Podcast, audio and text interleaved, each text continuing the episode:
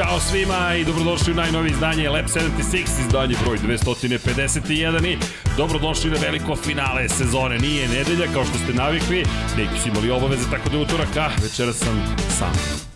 Šalim se, izvini Pajo, izvini Deki, odatle ćemo krenuti za moje ponašanje kada smo pratili podcast, to je kada smo radili analizu trke iz Brazila.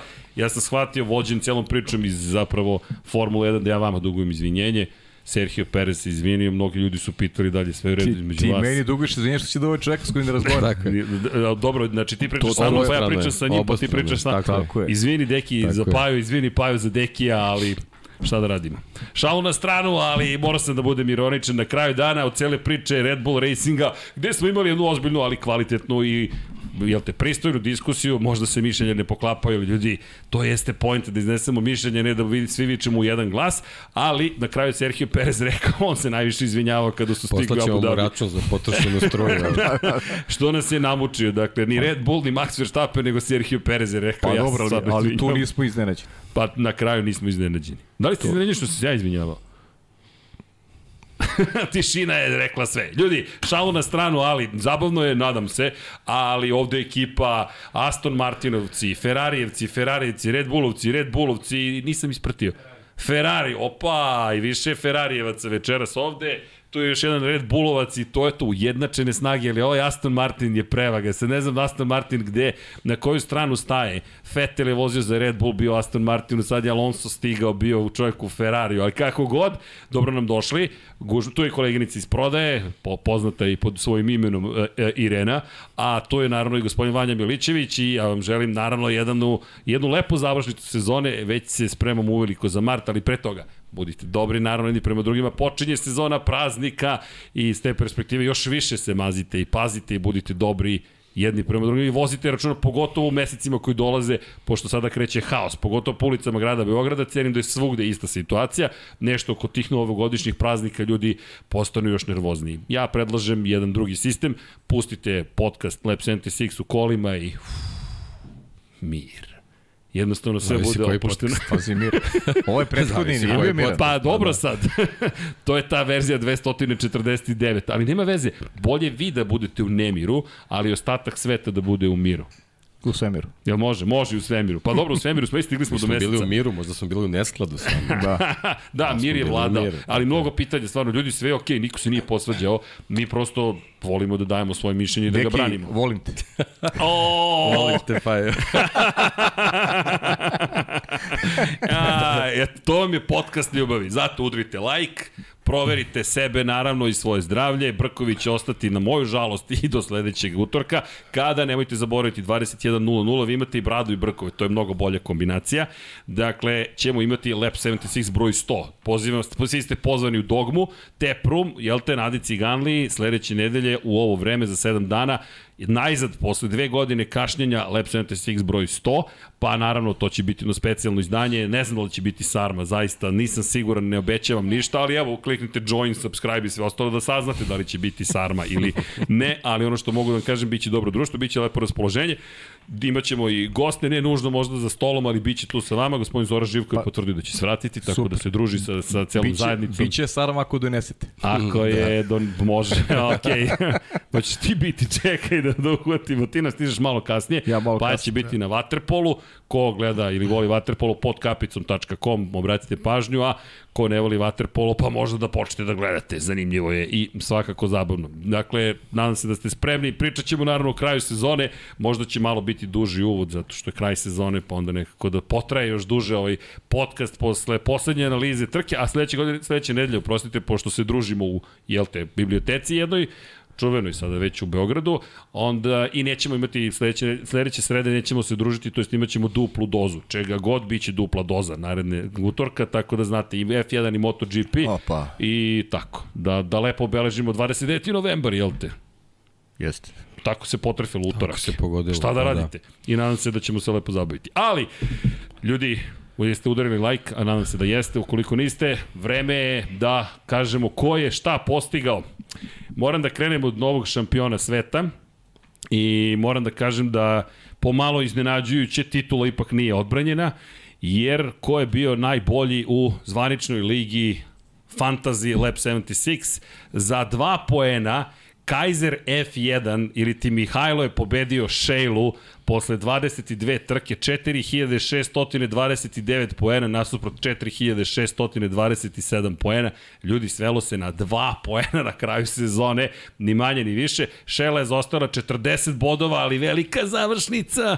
Iako vozi za Red Bull Racing, ovo je bilo pomalo više poput Hamiltona prošle godine. Pokušaj u poslednji čas nije uspeo i čestitamo Kaiseru F1 za pobedu Master Blan Sheila, eto, za dva pojena pobegla titula. Prancing Horse ili ti Luka na poziciji broj 3 ispred brusničkih mulja, Mačka from Čačka, tima Supernove Weekend Warriorsa, naš dragi prijatelj iz Indije Praneš, Ninja Ratnici 1, Šumi Weltmeister i tim 1 na poziciji broj 10. Tako da ljudi, Kaiser F1, bravo, Bravo, titula je pripala. Bravo, bravo. Mora dakle da krene, ljudi, zvanična liga je dakle završena i svaka čast. Inače, spremamo, kao što sam rekao, trofeje, držim si palčeve da ću uspeti da ih pripremim za sledeći utorak, da mu u kafa, uh, izvinjam se, u dogmi to podelimo, ali činjenica je da eto, i za prošlu godinu dugujemo trofeje, tako da nismo to zaboravili običanje. Eto, to je To je ključna vest, rekao bih, iz Abu Dabija da smo dobili novog Pa jedino šampiona. to se nije znalo. To se bukvalno jedino nije znalo, s obzirom na činjenicu da smo negde, Ferarijevci ne zamerite, ali bilo je očigledno da će Max Verstappen ovde i zajedno sa Red Bullom biti u jednoj dominantnoj poziciji, to je u jednoj dominantnoj fazi 15. pobjeda, ljudi, rekord je već smo očekivali da će pasti, to je da će biti pomeren dodatno u Brazilu, ali nekako izgledalo tako izvesno zapravo da će Just, Maxu pa pripasti još- ova pobeda još u petak pre podne, pa i ako i ne i Još ranije. utorak. Utorak, pa da. Pa da, nekako izgledalo da će tako Da, izgledati. bilo nacrtano. Deki, Šti deki, ajde. Pa, Nismo ni najavili praktično Abu Ne, Dhabi, da. više smo se bavili onim što se događalo, ali samo kao epilog cele priče, Red Bull, da, ne, da, ne, ja Vanja, možeš da daš fotografiju, molim te, zajedničku iz Abu Dhabija, pošto to je ipak bila nekako glavna tema postala prošle nedelje, da li je Max Verstappen postupio ispravno, neispravno. Ovo je zvanična fotografija prva koja je objavljena iz Abu Dhabija, srećni svi u Red Bullu i zadovoljni još u četvrtak, dakle oproštajna dobro. fotografija, ali nekako su odmah brzo reagovali rekli nema nikakvih problema, sve smo se dogovorili, Max je rekao pomoći ću čeku ukoliko bude mogao da osvoji drugu poziciju u šampionatu, nije mogao da mu pomogne, na kraju Sergio Perez bio treći u trci. raspitivao, raspitivao raspitivao se i na drugom mestu je bio Charles Leclerc, čestitke Ferrarijevim navijačima, makar iz te perspektive, utešna nagrada. Pa nije sjajna trka i Charles Leclerc. Je, te ali bilo je super trkanje, realno. I, ok, Sergio Perez u svakom slučaju, da, izvinio se na kraju za sve što se desilo, to je što ono što je rekao, i jeste pretar u nekim izjavama, ali na kraju se nekako svelo da je on taj koji je... Pa da, nije, nije skupio poene na, na stazi, ali skupio neke druge poene koji će mu možda pomoći u nastavku karijere, tako da mislim da su svi srećni i zadovoljni, realno. Pa na kraju realno da, jer ovo je, ovo je ono, da podsjetimo njegov, njegov drugi život u Formuli 1 koji je onako vrlo, vrlo pristojan, tako da mislim da nema, nema za čim šta pretarano da, da žali, posebno što ima ovu posljednju trku i onako poštena borba sa, sa ovaj, Charlesom Leclerom i, i, i, i, to je to što se tiče Maxa, čisto da, da nastavimo onu priču Pa da. nema šta. Dominacija. Bukvalno od prvog izlaska na stazu se videlo da su da su spremni da, da u, i u Red Bullu da mu pružbe, pruže ovaj, tu 15. pobedu, a on ne bi bio to što jeste da da to nije ni, ni preno na stazu onako kako treba i, i to je to. Rekord je zabeležen i to je ono čemu stvari teži ove godine. I utisak da su bili spremni za obe strategije, i za Maxa Verstappena, izabrali su da ostane na stazi zbog Charlesa Leclerca, završio je na onim srednje tvrdim gumama, ne na tvrdim gumama, pardon, i jako dobro trku, pojačavao, povećavao, pardon, razliku i dominantna trka, zaista u svakom pogledu. Da, meni delo u tom trenutku kad je, kad je tu razliku povećao, da to u stvari bio test šta Serhije u stvari mm. može da uradi, tako da i na taj način su imali ovaj situaciju da da mogu ovaj Meksikancu da, da, da prenesu poruku da bez problema vozi maksimalno i da proba da uradi šta, šta je u njegovom oči. Međutim, sa druge strane imali smo Leclera i Ferrari koji su stvarno bili super u Abu Dhabiju. Super Ja što mogu da Leclerc, im da. poželim je da Budu na tom nivou. na da. tom nivou budu sledeće godine i, i neće biti problema. Da, Matija Binotto se ponovo trka, pojavio, č- šef Ferrari još uvek i bio je na zidu čuvenom, jel te, na startno ciljnom pravcu i ali opet si rekao, strašna trka i da pohvalimo, neko mi je tweetovao,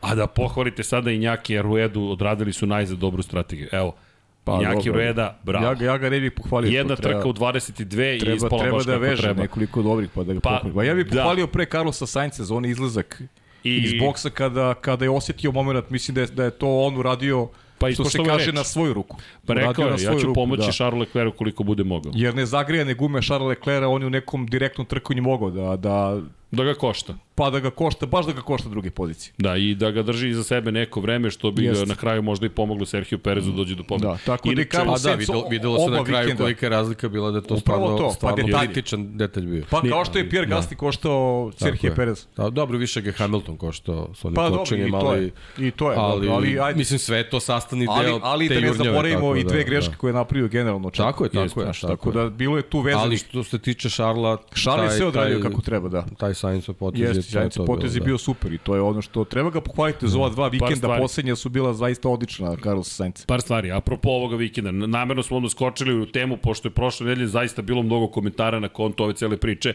ja bih par stvari da, da, da zaključim jednu temu, a to jeste upravo diskusija. Ljudi, mi volimo da diskutujemo i diskutovat ćemo. Niko se ovde ne svađa. Ako se posvađamo, znaćete, to znači da se kamere gase. To onda se ruši ceo studio i tu je kraj. To tako izgleda svađa. Ovo nije svađa, ovo je samo argumentovana komunikacija i svako drži svoju stranu i tako dalje. Ne, neki su bili više na, na, na, ono, na zastupali stav koji ima Deki, neki koji je zastupao Paja. Ja nisam ni stigao da iznesem stav, zato večeras neće oni ni pričati ništa. Šalu na stranu, naravno će pričati, ali hoću da vam kažem da Odgovaram Okay. Ma ne, ne, ne, a sad ste odmah progovorili u re, o obojica u isto vreme trenutku. Ne, ne, ne. Ali poenta jeste upravo to. Ljudi, evo juče su Luka i Kuzma inače imali svoje stoto izdanje i baš su pričali o tome da navijači su sukobljenih timova. Dakle, Partizana i Zvezda čak komuniciraju vrlo pristojno, a potrude se da argumentuju te stvari. Dakle, strasti koliko god da nas nose, jer se šta se desilo umeđu vremenu. Max Verstappen i njegova porodica su počeli da dobijaju pretnje smrću. Ljudi, to je potpuno besmisleno. Ma nije samo Dakle, to, Srki, ajde, sad ući ćemo u neke druge Ne, teme. ne, onda, samo znaš, hoću pa, da budemo šta je? načisto da treba pričati. Tako je, To ali, je to ali dijalog. ajde, gde, gde ljudi mogu da gledaju dijalog, gde mogu da gledaju neku javnu Pa diskusiju? nigde.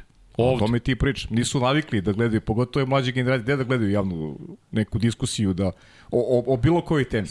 I da ljudi I, nisu i onda, neprijatelji. Nisu neprijatelji kada, znaš, jer, jer takav se, takva se priča pravi oko, oko tih momenta kad, kad se neko ne slaže u komunikaciji. Znači da, da su ono, da ne razgovaraju ni na ulici, da ne pričaju.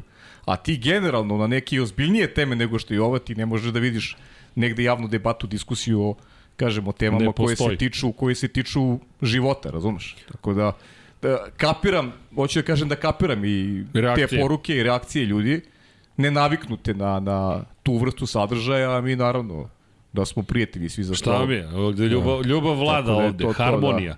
Ali ima jedna tu stvar, apropo i Maxa Verstappen je tih pretnji smrću. Dakle, to su stvari koje odu predaleko, pogotovo društvene mreže kada se Ne, prvo što te stvari, tu, to se ranije nije dešavalo zaista u Formuli 1 i sad u, prethodnih nekoliko sezona malo je eskaliralo, Eskaliralo, na neki, ne, neki, u nekom pogrešnom smeru i to je onako što stvarno ovaj, nema nikakve veze zato što o, strast u Formuli 1 se uh, ne, ne može da se upoređuje sa strastima na nekim, na nekim drugim sportskim boralištima, tako da to jednostavno u Formuli 1 nema, nema mesta za to. Ali čisto da iskoristimo priliku, pošto je to poziv ljudi, pričajte jedni s drugima, komunicirajte Ma, naravno. argumentovano, vodite dijalog, to je lepota i tog druž, zajedničkog života, ne moramo uvijek da se slažemo naprotiv, zabavno je kad se ne slažemo, a kada je reč o Maxu, pa eto, Max koji koji inače već spomenuo da razmišlja o životu posle Formule 1 i da treba razmisliti o tome da li je porodica važnija od Formule 1 ili ne. Mlad čovek, ali rekao sebe vidim do 31. godine da sam u Formuli 1 i posle toga odlazim. Ja ću samo jedan amandman da ubacim. Svi sa 22, 3, 4, 5 govore do 31. druge, treće i onda odlazim. Kad dođe 33. pa do 35. Pa deluje mi pa da je do 30 godina, 37.. deluje im da je to mnogo... Ovaj, ali ne znaju. A to to je je stare godine, da, da. Ima neki koji da. se zaista, zaista opraštaju u 30. godinama, znaš, kad napune Ima. 30. Ne pričam Ima. sam i to vrhunskih, u nekim drugim sportovima da je to to.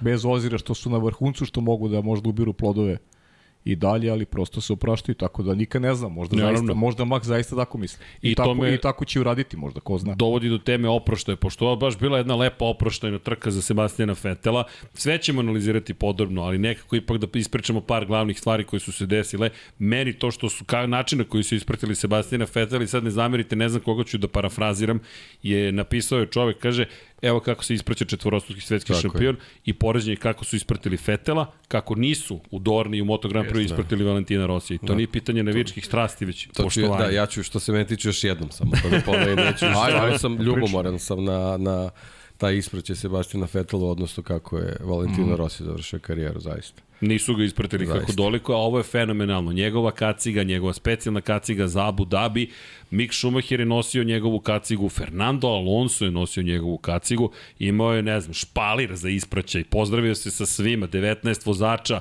Danke Seb, o, imao je i on majicu Danke F1, ovde vidite Stefana Domenikalija i Mika Schumachera, bukvalno su se svi okupili veče pre toga, čak su i trčali, Aston Martinovci su trčali. Pa čak je, čak je? Alonso rekao da će braniti njegovu poziciju na startu trke. I, I to je, da, jedna izjava koju nisam očekivao, moram priznati. Da. Ali Sebastian Vettel od jednog... Pa znaš kako, lep moment da skupljaš poene Poene kod nekih drugih navijača. Pa, dobro.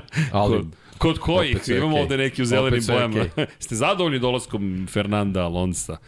A, ovo je, a, Vanja je pripremio i krugove Sebastina Fetela. Strategija sa jednim stajanjem na, za koju je na kraju rekao kako smo ovoliko pogrešili i zaključak je na kraju bio hvala Aleksiji Vučevi na grafikonima. Nije najbolja trka koju smo imali, ali lepo, lep kraj jedne karijere, baš velike karijere. Karijera koja je počela još u, u zapravo u BMW-u u suštini i karijera koja je donela do, do, do mnogih stvari koje su bili i pro, pozitivne i manje pozitivne, dakle imao on svoje kontroverzne momente, ali baš smo ti ja pričali tokom prenosa, mislim da smo prisustvovali zajedno sa zrevanju Sebastijana Fetela. Od momka koji je u Toru Rosso osvojio pol poziciju, zabeležio pobedu u Monci, do momka koji je Red Bullu doneo prve titule, To- i to, to- četiri za redom. To nismo kao komentator. To nismo komentarisali, sve komentarisali smo drugu, treću, četvrtu njegovu titulu. Onaj rekordni niz od devet pobjeda za redom na kraju sezona u 2013. godini, prelazak njegovu u Ferrari 2015. Pokušaje da pobedi Luisa Hamiltona i Mercedes bezuspešne, taj odlazak i, i gubitak pozicije protiv Charles Leclerca, dolazak u Aston Martin, onda dve godine u kojima je bilo patnji, dva puta stigao do pobjedničkog postolja, jednom mu poništili taj rezultat u Mađarskoj prošle godine, ali ima i jedan plasman na pobjedničko postolje koji su mu i prikazali na, na kraju trke. Pa dobro, pa da Baš budemo, lepo da bilo. budemo iskreni uz dužno poštovanje i, i, i momcima koji navijaju za Aston Martin, ko zna, možda će to jednog dana da bude ekipa koja će se boriti za, za neke veće uloge, ali u momenta kad je otišao iz Ferrarija, to je negde To je bilo- to je Pa to je to. bio uvod u kraj.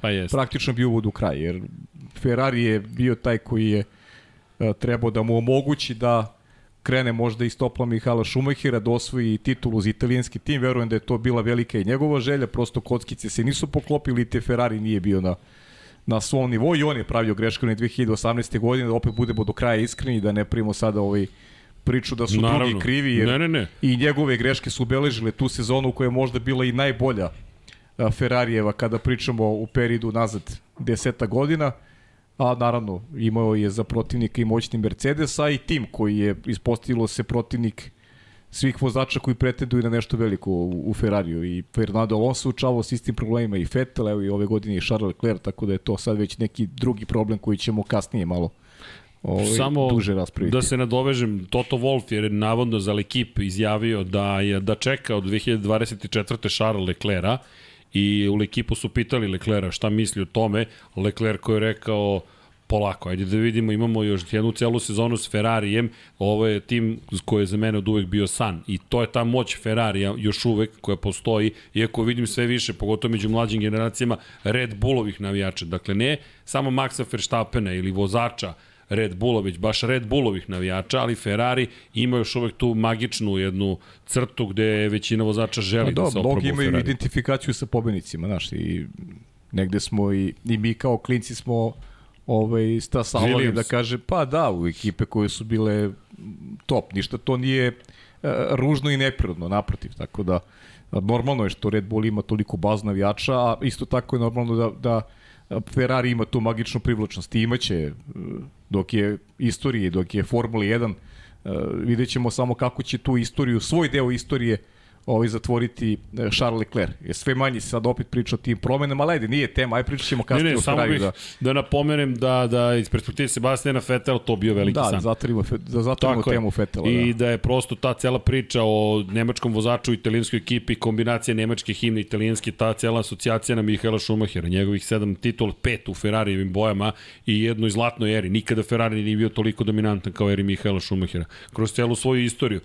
I, i sa Skarijem na početku početku istorije Formule 1, ni kasnije sa Nikijem Laudom, ni sa, ne znam, sa osvajanjem titula sa Johnom Sartisom, nisu to bili takve dominacije. Jody Scheckter je jednu titulu svoju, Schumacher je bio taj i onda je Vettel pokušao da bude drugi taj, nije uspeo i sad odlazi lepo je bilo kako su Pa ga. Schumachera, to je ona stara priča poznata. Enzo je voleo britanske vozače, tako da su uglavnom defivali Britanci, a Nemac je napravio najveću stvar za Ferrari, najveći šampion ikada u Ferrari je Mihael Schumacher. Pa da, dobro, to mislim sad širimo tu priču, ali generalno još jedno ovo podsjećanje pokazuje u stvari kako je Mihael Schumacher radili koliko je rada i truda trebalo da se taj Ferrari do, dovede na, na, na nivo da, da, da bude dominantan u šampionatu.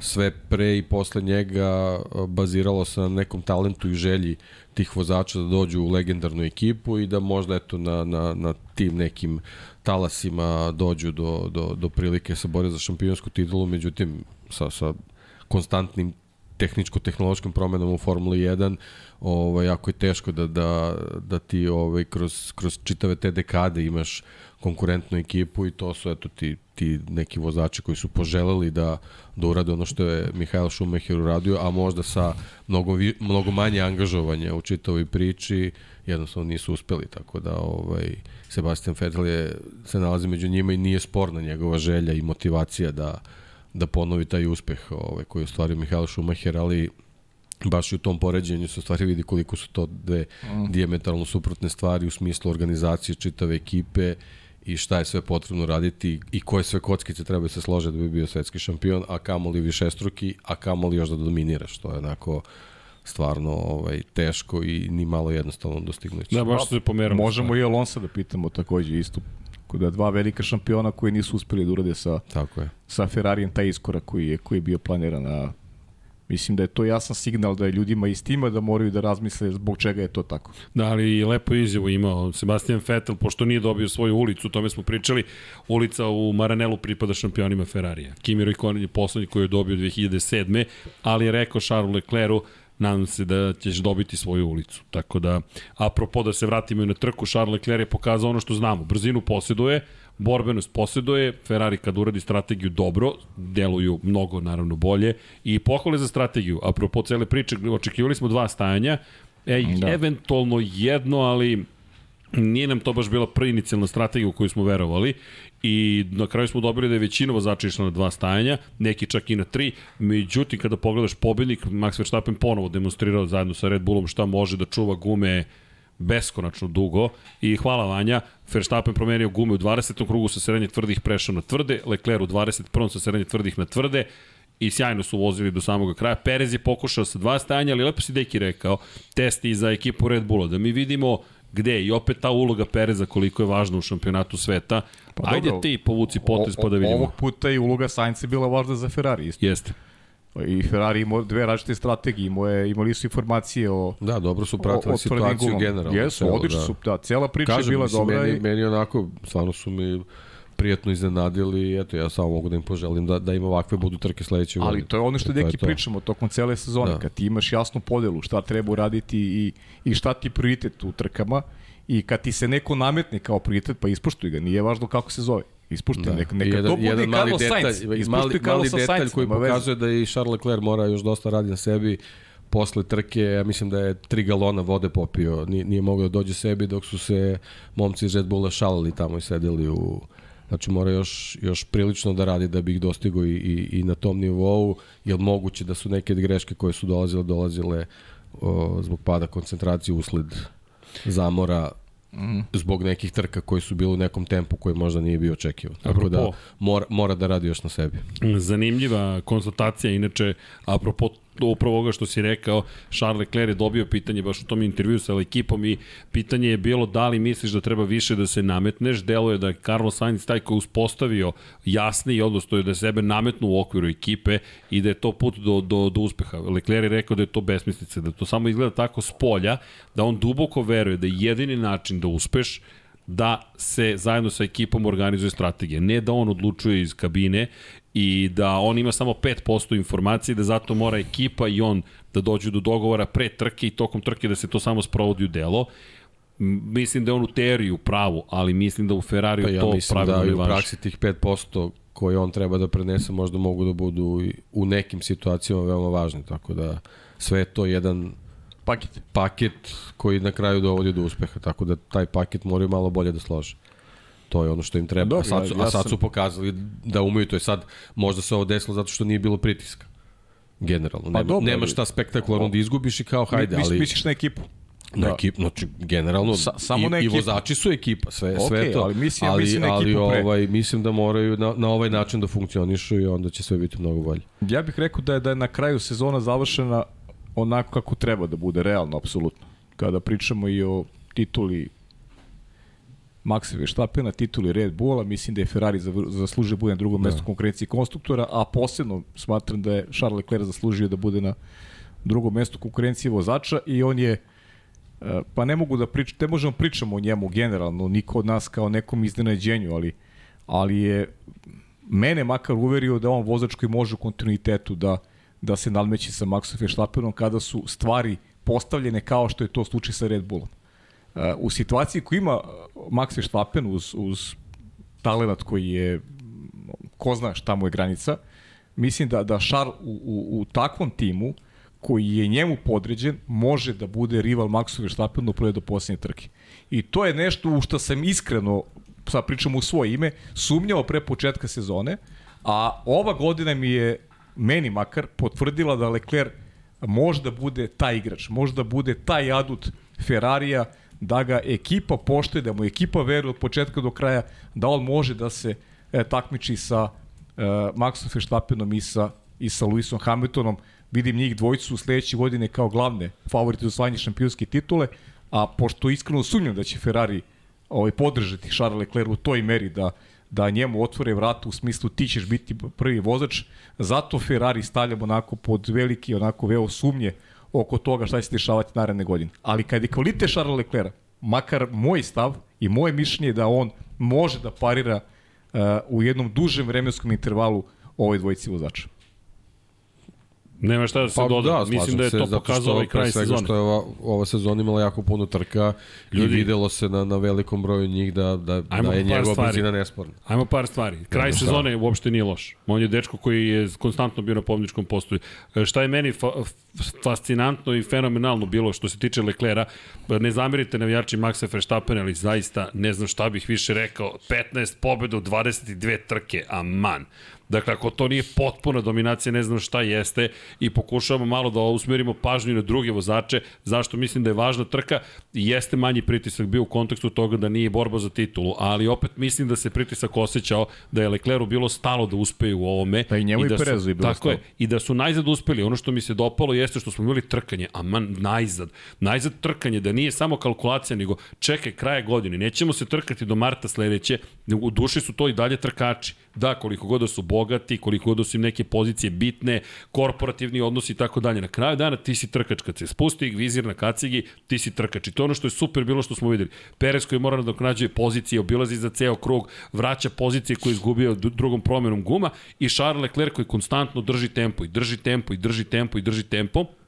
I to je baš trkanje, ali mi se dopalo i to i Ferrari je osjećao sigurno pritisak. Sainz koji je rekao pre trke, ne problema, pomoći ću i videlo se, on je u 17. krugu menjao gume, u 21. je menjao Leclerc, kada su se našli zajedno, Sainz je samo popustio. Tačno se videlo da nema napada. Da, da, da. I sve ok, uradio je koliko je bilo potrebno, na kraju dana kada pogledamo Sainz da li je možda mogao da, da ga blokira pa da ostvari bolji rezultat, gotovo sigurno, ali nije bilo potrebe za time. I ovo mislim da je timski bilo važno za Ferrari. I još Matija Binotto, ako mu je verovati, držim palčeve zaista desne, kaže mi pravimo raketu, tako da uopšte ne brinemo trenutno za bilo šta drugo i ajde da vidimo tu Pa raketu da, i sledeće njegove godine. izjave, fenomenalna godina, neočekivano, Da da, to, to sve, se, sve se onako priča je bajkovito. Korporativna priča. Pa rao, pa baš. Da, ali neki, jedan od Pa komentara... kao što je ova slika o Red Bulla, jedna ona korporativna slika Mora, očekivana. tu se znaš To izvuku, je to, izvuku razumeš. šitovi kao ove godine smo imali procentalno toliko pobedu odnosno Pa na da, prošle. e, evo, upravo to. To je od, odmah bolje, Pa, lep, sve lepše zvuči. Da, graf, grafikon je lep, lepši, je, lepši, je. ne mogu kažem da je lep, ali... Ali o- zato ne moramo mi da ovaj, slušamo Tako je. što oni pričaju, nego kako Ali pazi mi ovo, videli celu priču. Znaš šta je bitno? 68,18% Bitno da mu ta pobjeda. priča prođe kod upravnog, kod upravnog odbora. E, bravo, nekog. jedino tamo, Ne, jedino Kod nas tamo ne je... mora da prolazi. Ja, ali čekaj, da, jeste mu videli lestvicu, Svetomirski, naš dragi prijatelj koji je napisao, ja ne razumem Matiju Binota u kontekstu, znaš koja je moja lestvica? Od 1 do 8. Ja, ne raz, ja se slažem, čekaj, od celog dekadnog sistema ti ocenjuješ svoju ekipu od 1 do 8 i dao si ocenu 7,5. Ok, da, ne, prvo ne razumem lestvicu, onda ne razumem ni ocenu.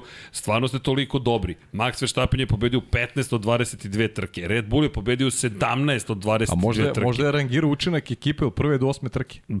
Pa ne, od prve do treće možda, A? eventualno, ali sve ostalo teško, pri čemu ne zaboravimo otkazivanja u ključnim momentima. Imao ih je činjenica i Verstappen. Evo, neko je pitao, dakle, koje je bilo pitanje? Da li bi Max Verstappen u ovogodišnjem Ferrariju osvojio titulu ili ne? Iako je Neva, ne, Ferrari, ne Nevarijev, Ferrarijev navijač, izvinjam se, pričamo o tome mišljenja da je zapravo, da bi osvojio titulu. Ja nisam siguran da bi osvojio titulu, Nisam moram ja, priznati. nisam ja. Taj bolid je dosta žvakao gume, da li bi bio bolji, nežniji prema njima, Max Verstappen ne znam. Mislim da bi, da bi opet strategija dotukla Maxa Verstappena, ali ne znam zaista. Ali bih Ne. volio da vidim njega, čoveka tog stava, u Ferrariju. To bih voleo da vidim. Da vidim da li bi to pomoglo. Da li bi nešto učinilo drugačijim stvari u Ferrariju. Jer to je ono što stalno Pa pričam. da, možda ćeš ali i vidjeti kako, dana. bili su i one banalne stvari, nespretne promene guma. Sećaš se kakva je bila situacija kad je, kad je jedan jedini put u Monci Red Bull zakazao u promeni guma, Max je upao u problem i desio se sudar sa Hamiltonom. Da, prošle godine. Znači, to su te situacije koje, na koje ti kao vozač možda budeš najtalentovaniji na svetu, ti ne možeš da utičeš. Znači, Jeste. pre svega je važno te neke sitnice, te neke stvarno banalne stvari moraju jednostavno da dovedu na, na, na neki drugi nivo, da stvarno funkcionišu kao onaj Ferrari iz, Jeste, kao iz ere Mihajla Šumahera, koji obaraju prvo- rekorde u brzini promene guma, dolivanje goreva, šta, šta god bilo i neke odluke koje su milisekundi donošene, sećaš se njih prolazaka kroz, kroz, pit, kroz pit lane da bi... Za pobedu u za Silverstonu, pobedu tako da to, to su te stvari koje, koje ekipa koja je na pit wallu u milisekundi mora, To mora sad da radi rešava. Red Bull. To sad radi Ali, Red Bull. ali su ekipa i na pit wallu, oni su m- mikro tim u okviru celog Red Bulla. Ferrari kao da nema taj mikro tim, kao da svako vuče Nema, nema. neku svoju stranu i onda na kraju Zato pitaju vozača da li je za strategiju Đ ili ne znam koju i, i A tako, da, onda to se gubi poruka. se vreme, prolaze Tako krugovi i tako to je. to. To, to mora pre svega Gubi vreme i uzima fokus vozaču. Sve, sve, sve su to vezane komponente. A, a pritom Matija Binotto koji se pojavljuje sad na trci nakon ovih svih priča. Frederik Vaser dolazi i menja se ekipa. Da, Vaserko Sad- je rekao, čućite. Čućete, da. Vaser je rekao čućete, a demantuju sad uglavnom ove iz, iz Ferrari, ali onako nevešto poprilično. Ne znam, vidjet ćemo šta će biti. Pa- Generalno, Ferrari je jedna široka tema, ozbiljna tema.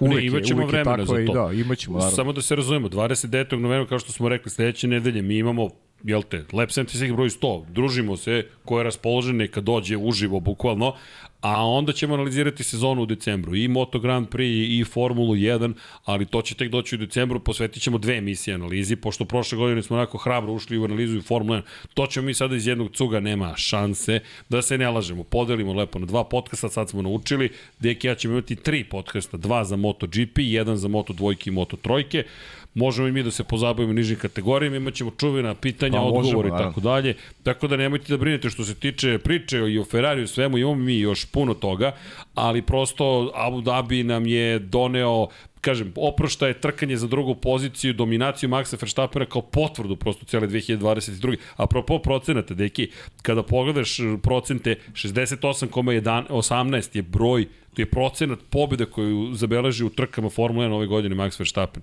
22 trke ti imaš procenat od skoro 70%. Da je pobedio u Brazilu, rekli smo, bio bi na 72-72, najuspešniji svih vremena na više od 10 trka, pošto Alberto Ascari će ostati najuspešniji sa 75% na 6 pobjeda od 8 trka. Može to Binotto misli, meni- 8 trka. Znaš šta je pa. meni fascinantno ove dve godine, pa ajde i ona, i ona koji nije bio šampion. Procentalno broj trka koji je završio na podijumu je nevjerovatno. Ogroman je. A imaš ogroman uzorak. Veliki broj trka. Prošle godine, ova godina. 2020. A on, je, on je, tako je, znači, on kad nema neki tehnički problem, ti, ti možda ga očekuješ da, da, da će završiti trku na podiju. I manje više to je standard ispod kojeg ne ide.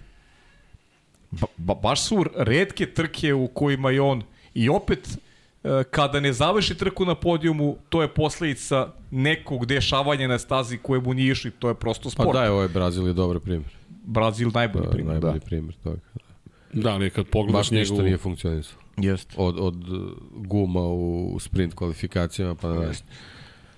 Da, ali kada pogledaš njegovu sezonu, ljudi, od Francuske, od Francuske do Abu Dabija, mi govorimo dakle od 12. trci sezone, od 22. To je bukvalno početak drugog dela sezone gledano matematički, dakle ako pričamo o aritmetici, to je 12. trka, tada počinje drugi deo sezone. U tih 11 trka, on samo nije pobedio dva puta u Singapuru kada je bio sedmi i u jel te, Brazilu u Sao Paulo kada je bio na poziciji broj 6 besmisleno izgleda njegov niz rezultata. Pobjede u Francuskoj, u Mađarskoj, u Belgiji, u Holandiji, u Italiji, sedmi u Singapuru, pobjede u Japanu, Americi, Meksiku, šesti u Sao, u Sao Paulo i prvi u Abu Dhabiju. A, da. Pritom imamo tu imamo trka tu gde je startovao sa 14. sa 10. sa 8. pozicije je, po, pa je pobeđivao, tako da. Potpuno Lepo si dominacija. rekao, pričati o njemu Potpuno. opet. Ne, nemamo Možemo više nekoj, šta da dodamo. emisiji, ali kada analiziramo trku, zaista e, ne, nema šta da se kaže, bukvalno. Čovjek nije pogrešio. Osvojio pol poziciju, odbranio se od Pereza na ulasku u prvu krivinu, čuvao gume do 20. kruga, promenio ih i ćao. 38 krugova na tvrdim gumama, pri čemu, ono što je meni fascinantno, i to sam malo pre htio da kažem takođe za Ferrari, mi smo Georgea Russella i Luisa Hamiltona sada spomenuli u kontekstu 2023. Ferrari u toj priči protiv Mercedesa je bukvalno Mercedes pomerio sa strane skroz. Jeste Lewis Hamilton na početku trke imao ni silazak sa staze, skok, mislim potencijalno da oštećenje. Da je to uticalo, to je uticalo na trku. Ali kad pogledaš, Ferrari je zaista izgledao kao da je mnogo, mnogo spremniji. Negde je potvrda onoga o čemu smo pričali da postoji problem za Ferrari kada ide, makar za mene, vidjet ćemo, uzorak se povećava kada se ide na staze koje su na visokoj nadmorskoj visini. I iz te perspektive, kada pogledaš sada da su svišli na nivo mora, bogat vazduh kiseonikom, malo slabije, malo veći problemi za Mercedesu po pitanju otpora vazduha i sve to u kombinaciji delovalo mi da Ferrari ima prednost. Prosto da deluje bolje, mada vidimo ovde ne, odmah. Kako? Pa Austrija je, e, Saincu stradao motor. Tu je bila eksplozija, to je 50-50, tako da brzina postoji, to je ono što smo u Brazilu videli, ali ne znamo da li je dovoljno pouzdan. I onda su i u Meksiku zašto su bili slabi, spustili su snagu motora. Ali slažem se, Austrija je izuzetak. Anomalija, što kažu, čuveno, ali Pa tri da, preticanja smo, Verstappena. pričali smo o tome i tokom trke uh, i tokom velike nagrade Meksika. Znaš, nisi više u, u borbi za šampionsku titulu. Drugačije bi se ponašao, verujem, Ferrari da je, da je imao neki, neki uh, Ulog. pa ulog, eto, pre svega. Mogli su da obore snagu motora, zašto im nije značilo ništa. Znaš, u, dru, u drugim okolnostima mislim da bi Ferrari funkcionisao, funkcionisao mnogo bolje u Meksiku. Ovo je ipak bila bitka, sada direktna borba je bila za drugo mesto. Tu je sada i faktor, Trkanje. naš, trkanje i vozač i, i strategija je bila dobra i sve je odradio kako treba Charles Leclerc. I to, Ne znam to je se. poente cele priče. Sve pohvalno. A i generalno. Carlos Sainz takođe, kažem, nema, uopšte ga ne razdvajam. Sad ove dve trke je bio, je bio sjajan. Od početka do kraja. I, I u Brazilu i sad u Abu Dhabi. I kada pogledamo, apropo cele priče o Charlesu Leclercu i Ferrariju, zaista da su ovako vozili cele sezone, mislim da bi bilo mnogo dramatičniji. I generalno da su, mislim da su izgubili upravo kontakt. Mislim da je Francuska bila jedna Da, najvažnijih. e, ali to, to je ono, to, što ti to Paja dolazimo- priča. Jedno je kad voziš pod pritiskom, a drugo je kad, E, kad ne, se ne, rasteretiš. To je, to je ono što su Ali- baš, ka, kažem, deki, to više važi za ekipu. I ekipa bolje funkcioniše kada, kada nemaju... Ali kada ko je nemaju pogrešio? Francuska je njegova greška. Jeste. A, okej, pa Pa jeste. mislim da zato jeste, ja to je gledam- ključna greška. Tako je, to, To je zato je meni greška. Francuska moment prelomni, jer do tada smo mogli da Imola, pričamo. Imola je možda donala nervozu, ali Francuska je baš onako Jeste. prelomila tu je kraj. situaciju. Da. Baš je bio kraj, jer ti vodiš u tom trenutku, ti si taj koji i da, je, pobedio si upravo u Austriji. Dakle, neočekivano pomalo na, na mestu na kojem obično pobeđuje Red Bull, to je Max Verstappen, ti dolaziš u Francusku, na tom se nivou koji se tebe očekuje, najzad borba koju nismo praktično videli od početka sezone, ne otkazuje motor, dakle nije Azerbejdžan, nije Španija, nije do ekipe, niko ne pravi grešku u strategiji, ti si taj koji pravi baš ne malu grešku, kraj, ti izlećeš sa staze jednoj najbržih krivina i to ne da izlećeš, nego je ogromna greška u pitanju. Čak je bilo onda priče da li je greška, da li je problem, na kraju se ispostavila zaista njegova greška. Zato kažem, od tog momenta kao da je sve baš palo i njegova forma i Ferrari koji kao da je tu izgubio neki kontakt, jer kad pogledaš od tog momenta Red Bull i Verstappen su u nekom svom elementu. E, i samo da, da, da pozdravim, Vanja mi signalizira, imaš poruku na sleku, Mr. Tin, donirala devojka 3000 dinara, hvala Mr. Tin. Hvala, hvala Kaže, puno. kako je vaše mišljenje, da li sledeće sezone se sprema mesto u Red Bullu za Lawson ili Ricarda, pozdrav sjajnu ekipu, kako crno svađane, ne, bazirite se na površne komentare. Hvala Mr. Tin, mislim da nisu površni koliko su zapravo uh, emotivni, tako da, da mislim da su zapravo ljude ponele emocije, jer svi bismo se sad ne posvađali, ali dali svoje mišljenje, sve je to okej, samo je meni bitno bilo da, da znate, ljudi nema, ne da nema svađe, zato, ali sam ja morao da idem malo stopama Liberty Medije, pa sam na story stavio hoće li biti, pa je, hoće li biti, neki, kao da ne znate da će biti, naravno. Ali, ali pozdrav, Mr. Kao Tim. mi te ne znamo, znaš. pa, dobro, kao vaš fake drama, Da. znaš, kao, Da. kao učimo od Liberty Medije. Šta se dešava? da uredimo, možete se dogovorili ti ja malo. Da ne, da ne dođete? Jel ste se to dogovarali? Okej. To je, to je, ovaj, ostaće između nas dvojice. Pa dobro, pazi, da niste došli... Ok, bilo bi zanimljivo. ne znam šta bih uradio, moram da e, priznam. pa to je to. Obrio bih pola brka. Čisto za zabavu, ali... E da, proverite se muškarci, Movembar je mesec borbe protiv raka, testisa, podižemo svest o tome. Juče smo i kod Luke i Kuzme pričali malo kolokvijalnije, ali ne postoji inače test. Ne idete kod lekara da se testirate, morate ručno to da uradite u, u nedostatku boljih reči i morate sami da se prekontrolišete. Ako nađete kvržicu, jel te, na testisima, ljudi, to, šta sad, nije to ništa ružno, i jel te, koji su muškog roda ih imaju i prosto morate da ih sami proverite. Ukoliko nađete kvržicu, a ne boli, to je problem. Ako boli, to je manji problem, isto kod urologa odete, ali ako ne boli, hitno na pregled. Ne postoji, nažalost, test za tako nešto, već morate sami da se osnovite sebe, kao što devojke grudi moraju da provere same, da vide da li postoji nešto. Čvorić neki, ne daj Bože, e, tako isto i mi moramo to dobijemo, tako da nije tako teško, to traži desetak minuta, jel te? analize, ako i toliko. Tako da, eto, to je pokušaj, zato otud brkovi. Imam još, još ha, treba, izvinjam se. Uh, Stipe SBS uh, kaže, po 25 kuna je donirao, veliki pozdrav iz Hrvatske, posebno Paji, Mr. Živković. Hvala, hvala Stipe. A ništa za Jareta, ništa. Da, šalim se naravno. Dakle, nemam pitanje, nego čisto da se obavestim da vas pratimo i ovdje da lagano preuzimate region. Hvala, šta drugo da kažemo, ljudi, i region Hvala. preuzima nas, dakle, ovo je sve zajednica, tako da imamo mi neki plan da se proskitamo tokom međusezone kroz region, ali čekajte da vidimo da li ćemo, kako ćemo, pa, šta je, ćemo. To je najbolji mogući plan, sad vidjet ćemo. Da, ali nam je to želja svakako da se malo procunjamo kroz, kroz sva moguća mesta koja nam vreme dozvoljava da, da, da obiđemo, pa eto, malo da se družimo. Da, ne znam da Vanja zna za naš plan. Ništa tebi ne pričam. Evo, čuo si upravo. A dobro, ti ćeš samo, samo ćemo tu baciti Samo u kombi. baciti u kombi i ideš sa rano. I to je to. Tako i Dekija otimamo, pošto on čovek ima poslove neke, ali on će Pa da vreme nestane. nije problem, vremena nema. Tako da je sve u redu. Tako da znate, ali hvala puno i ra- radujemo se naravno druženju. Uh, calm, relaxing music. Deki, ovo zvuči kao da si ti otvorio profil na YouTube-u. A kaže... A nisam. A, a nisi, ali da, ko je ono bio rekao na početku da Deki ima taj glas? Kako se beše ta vrsta Posebno muzike? večeras. Da. Posebno večeras. Koje, Večeras ima strašan glas. To sam čitao opis te muzike, to je e, i glasova, to je glas koji te žmarci te prođu niz kičmu, ali te opuštaju. Tako da, deki, morat ćeš neke knjige da čitaš. Jerry White. Barry Barry, White. o, izvini, nismo te Bravo, prepoznali, može Deki. autograf posle emisije. Barry White. Deki White, oh, Barry White. Barry bravo. White, dobro. Alvera za izbor. Ele, d, Broj ko- jedan, Ne Barry znam White, da li da. je... Eha, Nikola je u pitanju. Najbolji ste momci, doniraju čovjek 10.000 dinara. Hvala, O, svaka Nikola. čast, hvala. Uh, veliki pozdrav, Idemo na hvala pivo negde. za odlične Da. kave. Znamo da idemo na pivo. Eno ga tamo seks emota.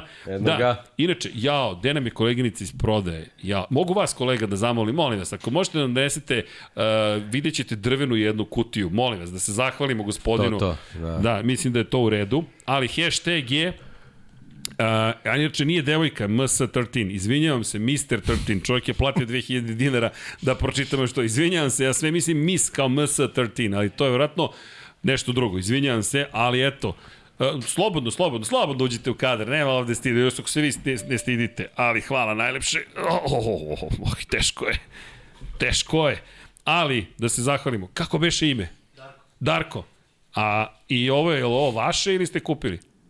Vi proizvodite. O, pa dobro. Dakle, nemojte da pijete i da vozite. Nikada.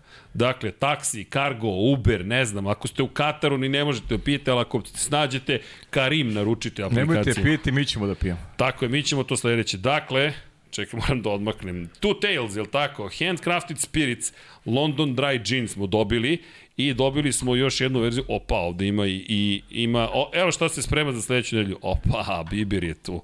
Ovo je iskusno. I ima još jedan ginger gin je spreman, tako da znate. Nije reklama plaćena, ovo je samo poklon za studio. Hvala najlepše, šta drugo da Hvala. kažem. Ali zaista hvala. Hvala, hvala. Hvala. I iz te perspektive, gde pijete pivo? Sledeće nedelje se pije pivo, dakle 21.00 Lab 76 100. Od 8 časova će biti već otvoreno. Biće stajaći stolovi, tako da znate, pošto ako budu sedeći, to onda nema mesta uopšte. Tako da, eto, da, da, da potrudit ćemo se sledeće nedelje. Sedeće stolici, stajeće stolovi potpuno. Tako je, Okay. da. da, vi ćete imati stolicu, dragi kolega. Spremna je. Hvala. Da, inače, Kaže, Calm Relaxing Music, najbolji ste momci, veliki pozdrav i hvala vam za odličan coverage cele godine. Čekamo mart 2023. Popite po koje piću za neko meze od mene, Nikola.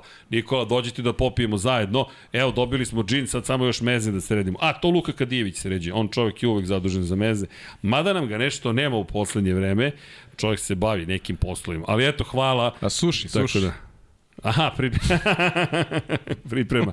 Elem, da se mi vratimo, jel te, Abu Dhabiju i pozdrav od Formula 1.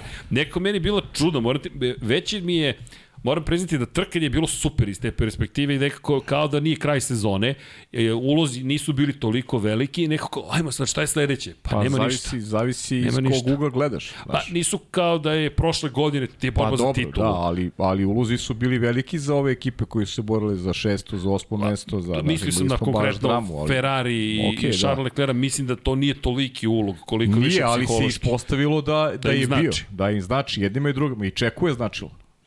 Pa delovalo je da mu je bitno da trudio. bude na Pa poziciji dva. odatle, odatle one greške koje je pravio i one reakcije, on je, on je izgubio ono vreme, realno. Pierre Okej, Gasly ga je koštao. trkanje sa, sa Lewisom Hamiltonom, ali ti ne očekuješ da će da rešiš lako duel sa Lewisom Hamiltonom. Međutim, ono sa Gaslijem, pa, gubiš vreme i na reakciju, na... Pa Pa sad, dobro, da, ali dešava se. Psiha, sve, te stvari. naravno se dešavaju, pa ne, nije ovo, nije ovo kritika sa Pieru Gasliju, nego Ne, ne, ma naravno, prosto pričamo šta Dobro. se sve dešavalo i šta izazvalo reakcije kod, kod Čeka Pereza, a stalo mu je očilo, mu bilo stalo da pobedi Leclerc do kraja. Da, i, i, Svojski i se trudio da to jeste. uradi, da. Jeste, pro, prosto su pogrešili u strategiji. Što se tiče Pjera Gaslija, čak ni ne mislim da je u pitanju Gasli koga je zamenio zapravo Alexa Albon pa ostao bez mesta u Red Bullu da nešto tu postoji. Mislim da je Gasli prosto bio u svojoj trci da su potpuno Pa, promašili da kad bismo da isprate ono iza. Ne, stvari, ne, samo onda bismo- eksplicitan sam samo. Posebno priče o Toro Rosu i, i, i o- o Alfa Tauri u Alfa stvari Tauri i, sadašnjem, da. i, i Gasliju za učitavu sezonu. To je Oni su baš loši bili i loši su bili da. u kvalifikacijama. i Najveće razočaranje godine iz Da. mog ugla je Pierre Gasly. Ti veći od Ricarda? Veće. Veće. Deki tebi? Pa a, njegove godine i ambicije mu ne idu u prilog vezano za ovu sezonu. Jeste.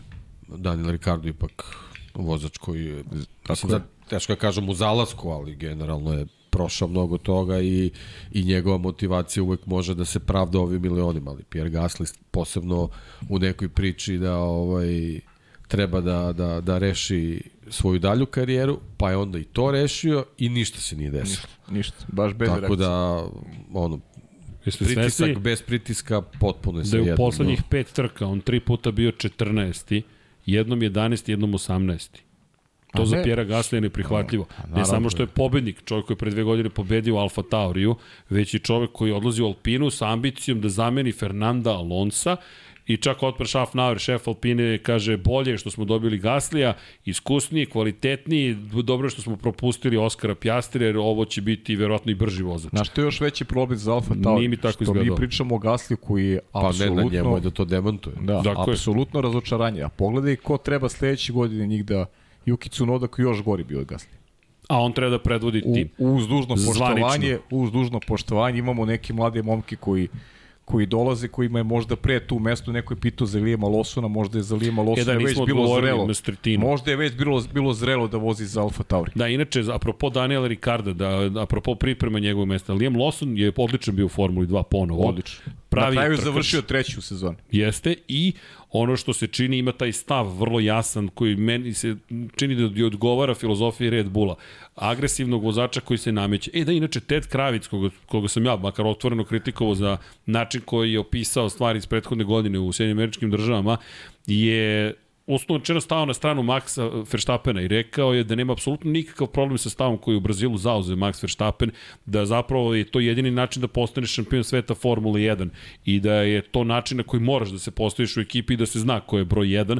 Kravic inače zastupa teoriju da nema potrebe da se krije ko je broj 1, slažem se s njime, i više bih volio da se jasno kaže, ok, ovo je broj 1, idemo dalje. Ok, ne može iz promotivnih, reklamnih, korporativnih razloga, ali kako god, zanimljivo je bilo da je Kravic, da je Kravic koji je dobio do toga da zapravo i Verstappen i Red Bull odbiju da komuniciraju sa Sky Sportom. Ne znam da li je to neka ruka pomirenja ili jednostavno stav, ali mi se dopada to što je rekao, s obzirom na činjenicu da pogotovo u Britaniji Max Verstappen baš nije popularan i kada to Kravic kaže, to je malo spuštanja tenzije, pošto zaista nema potrebe da pričamo o porodicama, a i porodice ne treba da se meša, ali to je druga priča. Samo eto, palo mi je sad na pamet. Apropo Lawsona, Lawson je odličan vozač. Da li će doći kroz Alfa Tauri ili će Ayumu i Vasa biti taj koji napreduje, ne znamo, jer Avasa, ja Vasa ima podršku Honda. Honda na reklama stoji ovako, vrlo široko na, na, na, na viziru ka njegove kacige. Honda koja nastavlja saradnju sa Alfa Taurim i Red Bullom ali... Pa ja mislim da, da je Red Bull izabrao već, ko će to biti prvi prednost. Mislim da će Lawson biti. Mislim da će to biti Lawson. Ali to je zanimljivo pitanje za ovo. Da li skače u Red Bull? Nije sporno. Pa ne znam da li skače Znaš, u da li Red Bull. vidimo Mislim da neko skače ponovo ja, u Red Bull? Ja ga pre vidim u, Al, u, u Alfa Tauri. U Alfa Tauriju, da. Upravo umesto Tsunode. Da, i, a i da, nigde generalno, generalno teško imati dva Japanca u Jeste. Ne, ne, umesto Tsunode u sigurno. U istoj priči. Da, mm, Yuki, ako ne, ne odradi bolju to je, sezonu, mislim da ga menja. što se pita, više pitanje za Yukija nego... Ne, ne, ali ja Yuki podrazumevam da ispada da. u toj situaciji. Da, da, da. Da, da ga i Vasa pa ja menja. mislim, mislim da samo tako može da se... Da i Vasa dobije da pre, Da i. Vasa dobije mesto, da. da. I mislim da će Nick De Vries preuzeti ulogu vodećeg vozača Alfa Ma Tauri. ja, ja uopšte nemam dilemu Siguran oko sam u toga. to. M kvalitet, M stav. Pa prosto se nametne. Kao inače neko su ga koji je objektivno kvalitetniji. Ne znam da li, da, ako niste videli, isporučili su ga bukvalno na, na kolicima su ga odvezli iz Da. ekipe Mercedesa su ga odvezli u ekipu Alfa Taurija. Podsjetilo mi malo na, na MotoGP i malo su bili, ne, malo su bili nežniji. Dakle, u MotoGP je bilo baš grubo. Dakle, uh, glavnog inženjera Jacka Millera su vezali. Vezali su mu ruke, vezali su mu noge, stavili su mu krpu u usta, stavili crvenu periku i odneli ga u garažu KTM-a i bukvalno ga ubacili u garažu KTM. Čovjek stvarno nije mogao da se mrdne i tek kad, pošto su ga oslobodili mehaničari KTM-a je mogao da, da, da, da, da što funkcioniše, ovde su malo nežnije, stavili su ga, vezali mu ruke i noge i odvezli ga, sve sa pivom u rukama. Tako da, ali u svakom slučaju nova, nova, nešto novo počinje za, za Nika Divrisa i da završimo ovu misao, da li će Ricardo voziti u, u Red Bullu. Prema onome što je Christian Horner rekao, da je sledeće godine organizovan Red Bull show run u Beogradu, vozač bi bio Daniel Ricardo.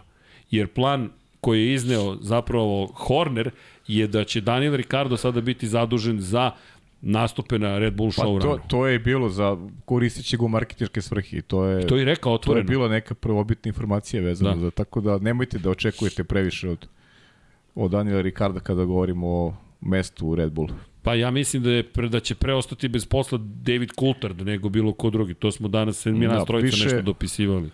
Više je ovako zabavnije iz Ili on... Christian Klein, pa ćeš imati Coulthard Ricardo. Može i tako. magnet u, u toj show run priči. Da, zanimljivije je cela priča da. bila apropo onog što se dešavalo prethodno vikendu u Brazilu, pa kao ono smo pričali u prenosu, da, da je to neki pritisak na, na Serhije Pereza, ali ono s čime smo se složili, deki ja prošle nedelje je da je Sergio Perez potrošna roba i ukoliko neće da sluša, ukoliko neće bude u službi tima, Imaš opcije. ma imaš opcija i to je to, lako ćemo naći rešenje da da ovaj da ti nađemo zamenu. Pa pazi, niko ne spomenje nikad De Vrisa. Zašto Nick De Vries ne bi mogao da napreduje na polovini sezone iz Alfa Taurija kao još jedan holandjanin u, u Red Bull Racing?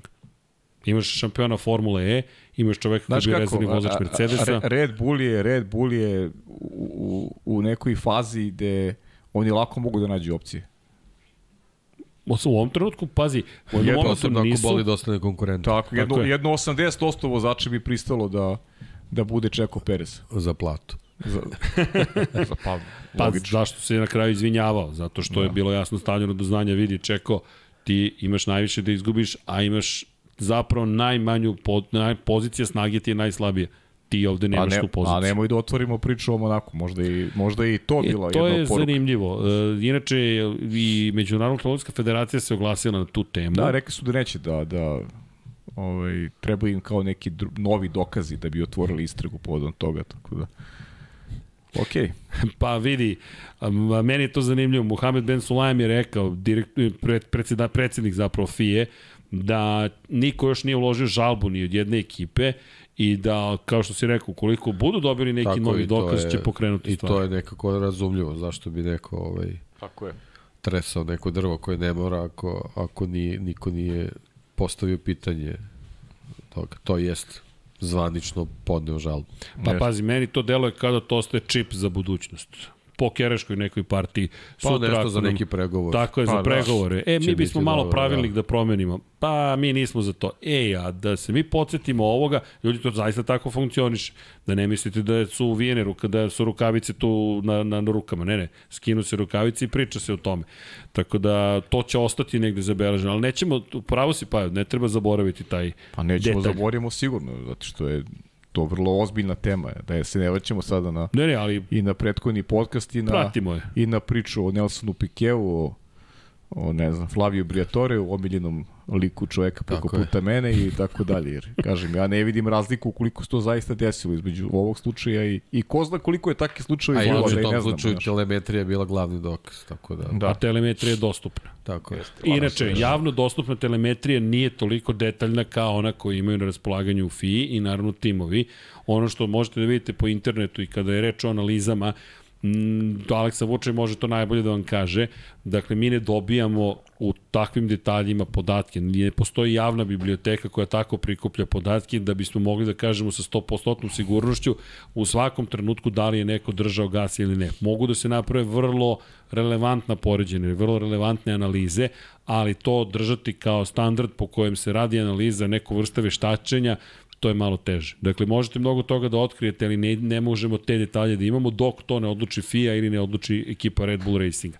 Tako da čisto da znate kada vidite neke analize. I drugo, mnogo je opasno kada ljudi donesu zaključak istog trenutka. Možete da nešto hipotezu, ali zaključak to je već to je već malo zahtevnija situacija. Inače, apropo zaključaka, zaboravio sam jednu bitnu stvar da napomenem kod Sebastijana Fetela. Fernando Alonso je odustao, Lewis Hamilton je odustao, svi smo se nadali tim čuvenim potpisivanjima u duhu Fernanda Alonso pre koliko, tri godine kada su ga ispraćali, ali to se nije desilo i ne, baš sam rekao tokom prenosa, pa možda i simbolično što zapravo ova mlađa generacija se vrti u krug i na taj način prati Fetela, što su odustali Alonso i Hamilton. Hamilton Alonso ostaju u Formuli 1 i naredne godine, Alonso u Aston Martinu već ga je testirao. Danas je inače bio test, dakle postsezonski, da ne kažem mladih vozača, ali je činjenica da nekako ova nova Pa je među generacija... njima bio Alonso Pa pa, kao mladi vozač.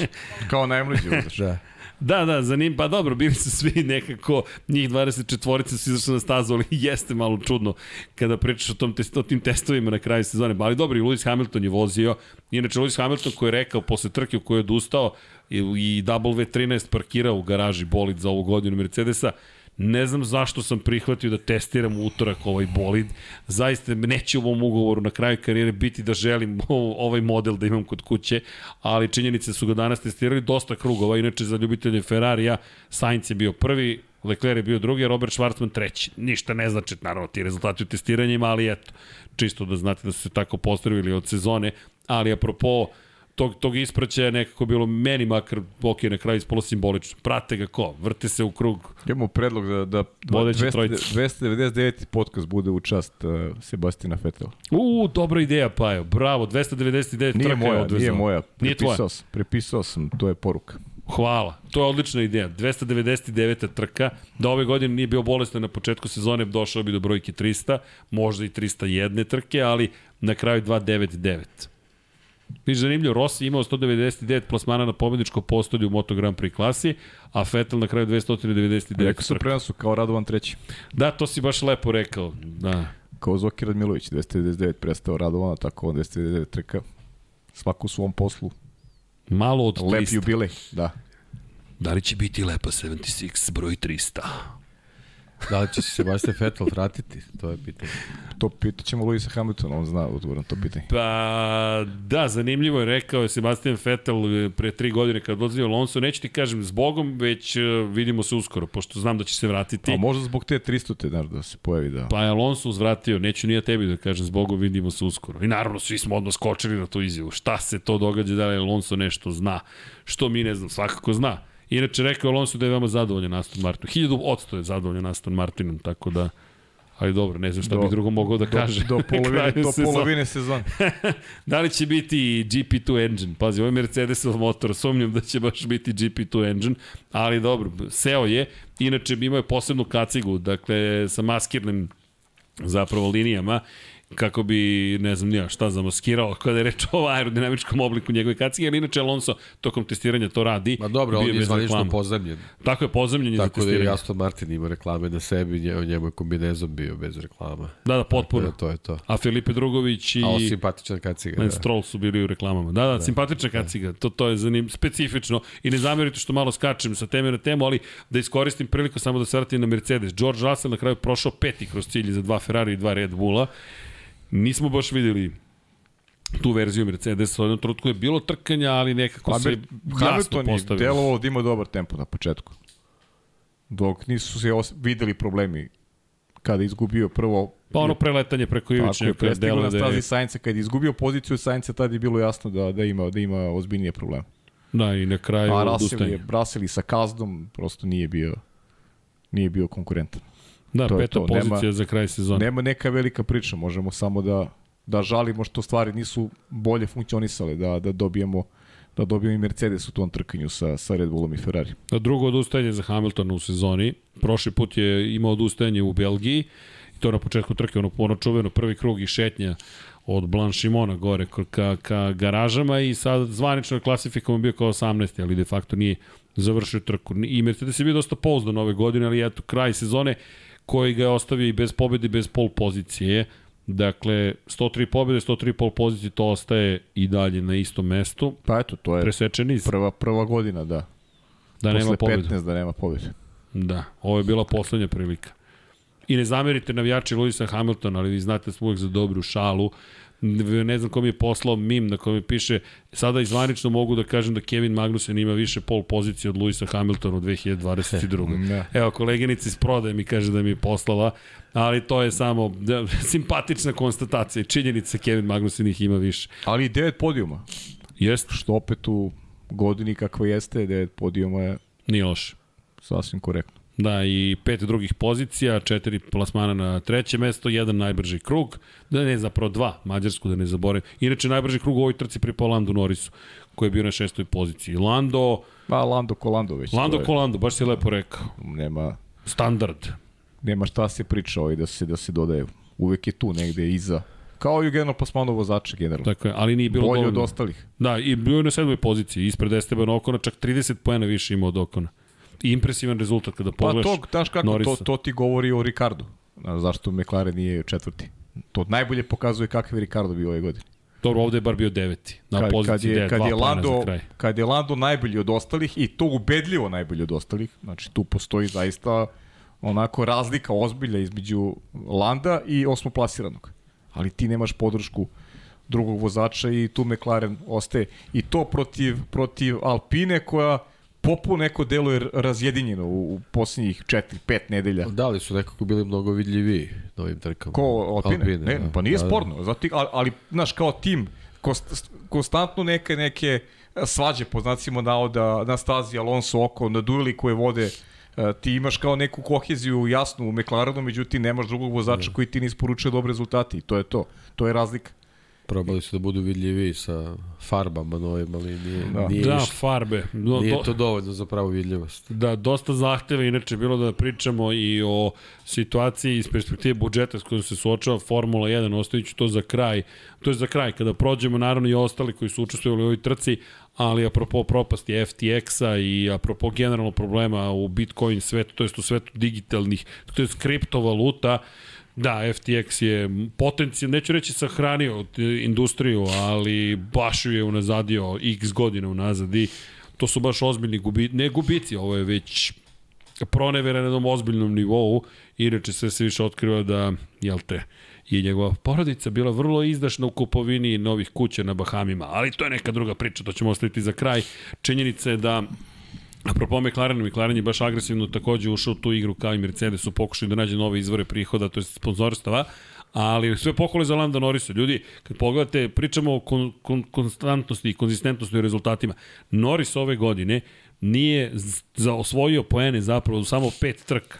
Dakle, mi govorimo o čoveku koji je u 17 trka došao do poena u McLarenu. Ok, McLaren treba da teži i pobedama i tako dalje, ali kada pogledamo probleme s kojima se suočava Daniel Ricardo, koji je u samo sedam trka stigao do, do poena, baš je ogromna disproporcija, ogromna razlika i Lando sve pohvale. Inače, Lando je i dalje i na kraju ove sezone ostao jedini čovek koji nije izvodeći tri ekipe koji se popeo na pobjedičko postolje. Čuveno treće mesto u Imoli. Da, pomogao mu je Charles Leclerc, ali bez obzira i to ova sezona iz te perspektive nije bila preterano dobra za, za manje timove da se pojave na pobedničkom postolju, jer u završnoj fazi pa, prethodne ere pa nije bila dobra uopšte. Baš nije bila dobra, a trebalo je da unapredi trkanje, o tome ćemo pričati o analizi, pomalo smo zaboravili da je promena u aerodinamici zapravo sprovedena u delo da bi se povećao broj preticanja, mogućnosti praćenja bržih bolide, to jest ako ste brži da vam bude lakše za preticanje, to jest sve smo videli, samo to ne.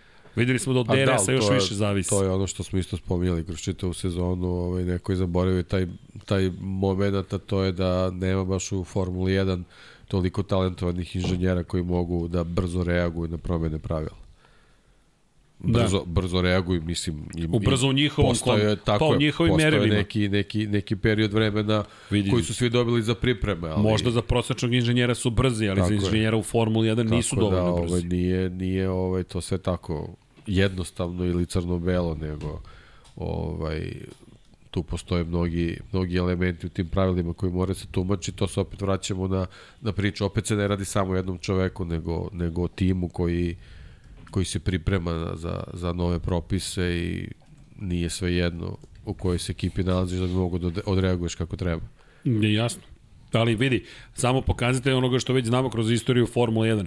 Svaki početak nove ere nekome će dati prednost. Iskreno, ja se radujem da nismo dobili samo jedan tim. Koliko god je Red Bull na kraju izdominirao, Ferrari je bio taj koji je imao mnogo veće prilike. Mislim da su ovo propusti tima, ne njihove inženjerske, inženjerske ekipe. Mislim da inženjeri Ferrarija nemaju razloga da budu toliko kritikovani. Da, gume su postale problem u jednom trenutku, ali su to mogli da ublaže boljim strategijama. Međutim, ranije se dešavalo, setimo se 2000 pa 14. kada je Mercedes počeo da dominira, apsolutno niko nije mogao da priđe. Sada smo imali Ferrari koji je počeo na jedan način, nije završio na taj način, i Red Bull koji je preuzeo primatu u jednom trenutku. Ko je nedostaje u celoj priči Mercedes? De facto je Mercedes da, nedostaje. Da, Mercedes je krenuo sa malo radi, radikalnijim da, da. pristupom čitavoj priči, ali je jako zanimljivo da imamo Red Bull i Ferrari koji su prilično različito ušli u, u priču, a, a dobili neki jako sličan rezultat. Da, i... Sad dobro, kako se taj rezultat razvijao i unapređivao, to je sad neka druga priča, ali generalno taj početak sezone nam je pokazao da sa dva pristupa možeš da, ja verujem da je i Mercedesu malo falilo da sa ovom radikalnom varijantom ovaj, uspe, nego negde je postojala neka stramputica, mislim to će oni da, da otkriju, da vidu čemu je problem, ali, ali verovatno i njima malo nedostajalo da, da, da pogode pravu priču. Jer, jer verujem da u to, toj, kad dođu do tih nekih novih rešenja, jako mala je ta ivica od uspeha do, do, do, do neke, neke provali u kojoj Mercedes u, u tom nekom početku bio.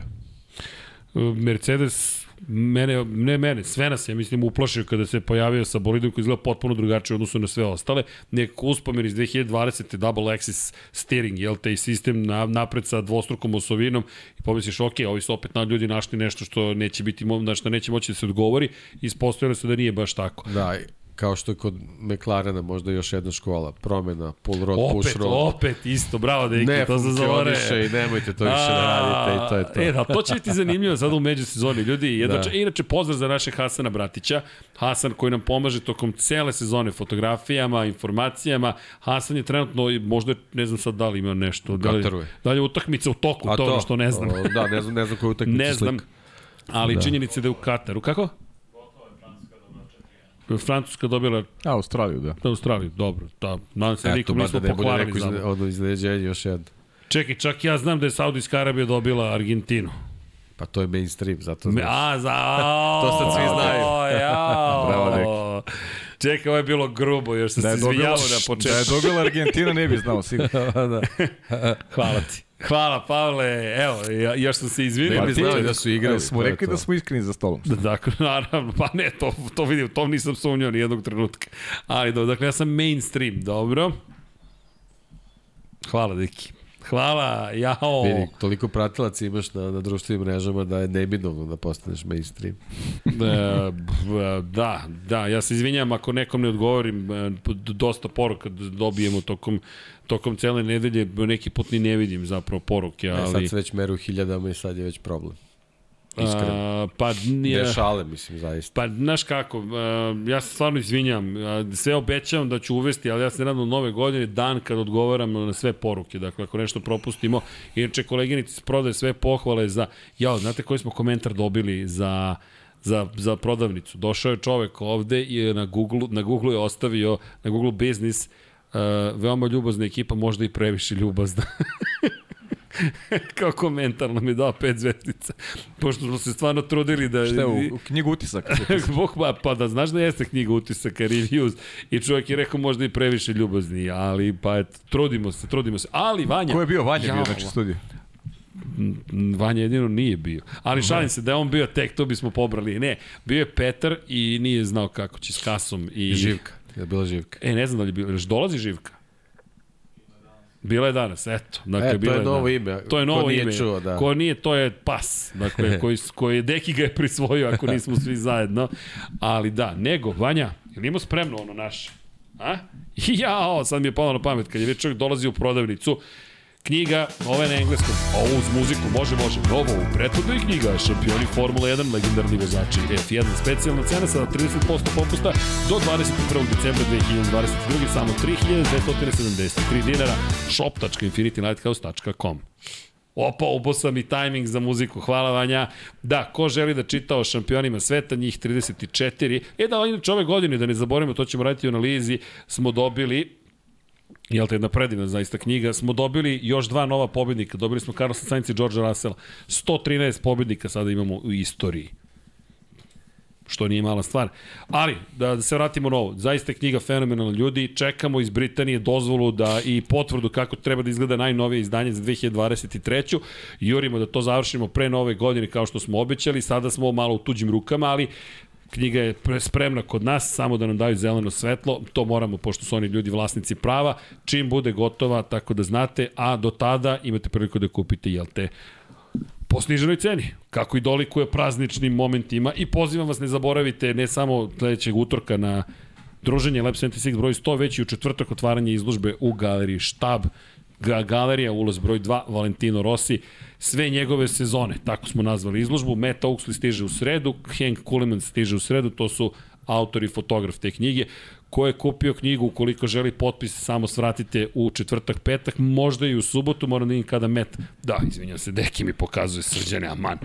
Za one koji vo, vole MotoGP i Valentina Rosije, to je knjiga, sve njegove trke, tako da znate, spremna, prevedena u štampi već šest meseci, već to tako zvuči kad zameriš rečenice, kasnila je isto toliko, ali ne zamerite, naučili smo dosta toga i čovjek koji je napisao knjigu biće tu da potpisuje svoje delo na srpskom jeziku, izašli inače na engleskom, srpskom, nemačkom i sada japanskom jeziku. Pa eto, tako da, da znate šta se to sve sprema. Ne možeš čitaš samo nemački. Kako? Možeš i to. A, Možeš i mogu to. i to, mogu Znaš, preći na to da pročitati da- nego japanski. Može da čita, Ali ali, ne dobro. zna da li razume samo. ne, ne, ne. Pro, veći je problem da pročitaš nego da razumeš japanski. 1850... Nisam mislio na japanski, mislio na nemački. Znam da razumeš Mm, japanski. Aha, a da, baš ga razumem. Pa dobro, nešto razumeš. Pa ne, što razumem. Okej. Ali da. To je dobra, to je dobra caka kad si u Moto Grand Prix, pošto je mnogo više japanskih inženjera. Pa im se ljubazno obratiš na japanskom i tako. Pobegao nam je Takeo Yokoyama na, na aerodromu u Valenciji. Šta, šta znači to Shiro Mifune na japanskom? To je jedan divni glumac, gospodin i tako da. E, sad Ne to može, da- ne, ne Znaš što znači Shin Ninno Samurai? Koga pitaš, koga se prodaje? Ne, to ti je, e, vidi, to ti je sedam samuraja zapravo. Shin Nin ti je sedmo, sedmorica ljudi. Nin kao Jin, kao Gai Jin ti je strani čovek, Nin ti je takođe način koji se čita nešto. i Šći ti je zapravo Časove japanskog u podcastu. Čin i onda no, to je ne znam tačno šta je već, ali, ali svakom slučaju... Treba će nam kad budemo išli u Suzuku. E, vidi, moramo da odemo, ne samo u Suzuku, moramo da odemo u Motegi. Moramo u muzej da odemo, jer muzej je u Motegi. Mali treba da se odi u Suzuku, ona je muzej sama po sebi. E, to deki da nam sredi, on se mota po stazama svetskim. Koji dakle, gospodin Potkonjak da nam sredi jedan test, da, gleda, da, da, da, da, vas gledamo, jedan Titi. test u Suzuki Titi. Znaš šta ide? Znaš Šta ide dalje? Posle Da, da, Titi. da daš lek, nego da središ kod Honda testiranje u Suzuki. To, to da nam središ. Ma možemo da budemo i putnici, ti nas vozi, nema nikakvih problema, ali da testiramo zadnju Neki, osobinu. sad ti kažem nešto. Mi smo sad u Japanu već. A znaš gde smo, gde treba budemo u januaru? U, u februaru. U februaru. U februaru. U februaru. Zaboravio si. Čeka vas kuća u Južnoj Americi. Samo A, da, da. znate. Da, da. Samo da znate, kuća vas čeka. Eto. Ja se nisam šalio. Ima i bazen. Lepo. Lepo. Eto. Pod, podcast iz bazena. Podcast iz bazena. Ali da nosimo dvodelne kombinezone, inače, ne, inače se ne prikazuje. Zasmio sam čak Ili i imaš one, imaš mišića one, imaš. Da, ne, ne, ja samo kolut. Prirodni. Ali dobro, da se mi vratimo ljudi. Ajmo dalje, šta smo još? Abu Imamo Dhabi. još neki imamo desetak još pozicija. Mnogo. Imamo, pa ne samo desetak pozicija, imamo ljude koji nam odlaze. Daniel Ricardo, deveta pozicija, dva poena, da ga spomenemo.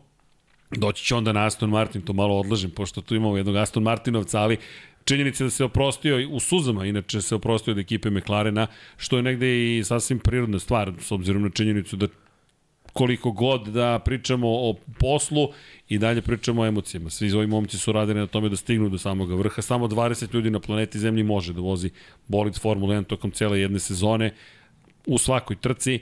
Ricardo više neće biti u toj, pa i elitnoj grupi, neću reći povlašćenoj elitnoj svakako grupi. Znaš kako, ja, ja neću reći da je to Labudova pesma, Daniel Ricardo, jer imamo, svedoci smo da ćemo naredne godine gledati Nika Hulkenberga. Tako da, ko zna šta Da. je sve moguće Da. ovaj da se dogodi, jer ja Pa stvarno... ne, imamo čudan tim Labudova, mislim, Da, generalno. tako je, da- čudan tim Čudan tim Labudova. Labudova. Uz Pa, dužno da. poštovanje i stvarno sam, ako, ako je neko onako uvek bio na strani Nika Hulkenberga, meni je stvarno on simpatičan i, i, i poštojem ga kao vozača, ali mislim da ovo vreme povratka apsolutno ne razumem odluku Hasa, definitivno. I, i mislim da je apsolutno bilo mesta za, za nekog mlađeg vozača u tom timu, ako već nije Mick Schumacher, mogli su drugačije da biraju, ali sve sam bliži toj teoriji koju si ti prvi rekao da je Miku trebalo dati tu treću godinu da Pa da da, ali, ali pretpostavljam da je to da je taj priča o nekom mlađem vozaču isključena, jer da im je treba mlađi vozač, oni bi ostavili Mik. Ostavili Mika, pa da. Ali ovaj, ovo je, ovo je, ne znam, mislim, vidjet ćemo kad krene sezona šta je bi u stvari bilo na pameti, ali, ali generalno, ovaj, ne, ne znam, mislim, nije... Iz naftalina su ga izvukli, Tako bukvalno. je, tako je. Bukvalno. Tako iz čitave te naše priče tokom sezone, ko će sad sve doći u, u sezoni 23 stvarno ono, da, da pomislimo da će on dobiti čitavu sezonu. A i zato je pričati sada o Ricardu, da li je ovo poslednje njegove reč u Formuli 1, šta će se dešavati, okej. Pa da, ali znaš Marketinška kako, priča sa problem je Red sa Bullom, Ricardom ali- što sigurno ima drugačije ambicije od, Nika Hulkenberga. Pa znam, ali menjaju, da- menjaju ti se neke ambicije, ako te nema jedne godine, pa To druge jeste, godine, to pa jeste.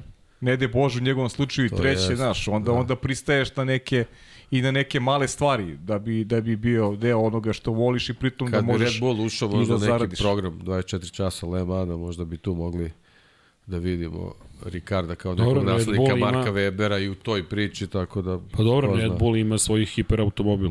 Tako je, ali to isto je možda i neka priča da bi ja pre volao više da vidim Nika Hulkenberga da se ustali pa da Pa da. da Pa ja, pa iskreno, Jasno, da apropo, čega, da. neke ve, ovaj neki veći broj titula ako je već ako već vredi za tu priču, ali za Formulu 1 stvarno Pazi, RB17, kako se zvanično zove, da podsjetimo, RB16 i RB16B su modeli iz 2020 i 2021. Formule 1, RB18 je ovogodišnji bolid, ali RB17 je zapravo hiperautomobil kojeg je projektovao Adrian Newey, koji će se 2025. pojaviti zapravo na stazi, na jel te, nadam se u Le Manu, sad verovatno 2026. u Le Manu ili kako god, ali to je plan za naredne tri godine.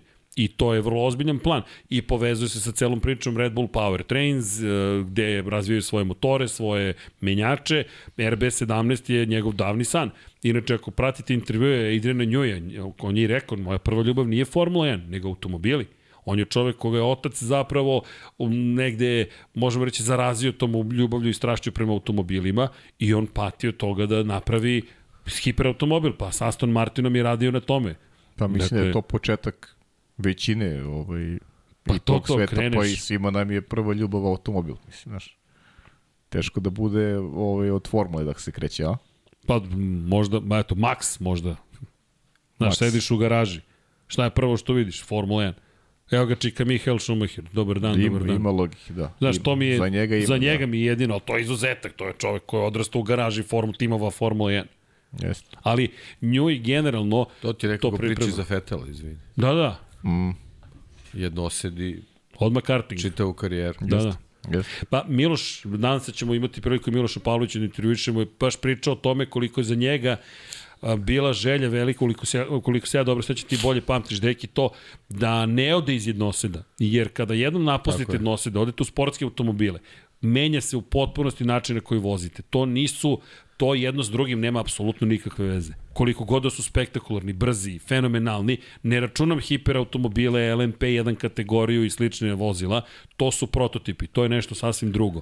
Ali, i oni su i dizajnirani maltene kao jednosedi, ali open wheels, dakle otvoreni točkovi jednosedi, zna se, ti si centralno pozicioniran, zašto je McLaren F1 bio toliko važan automobil?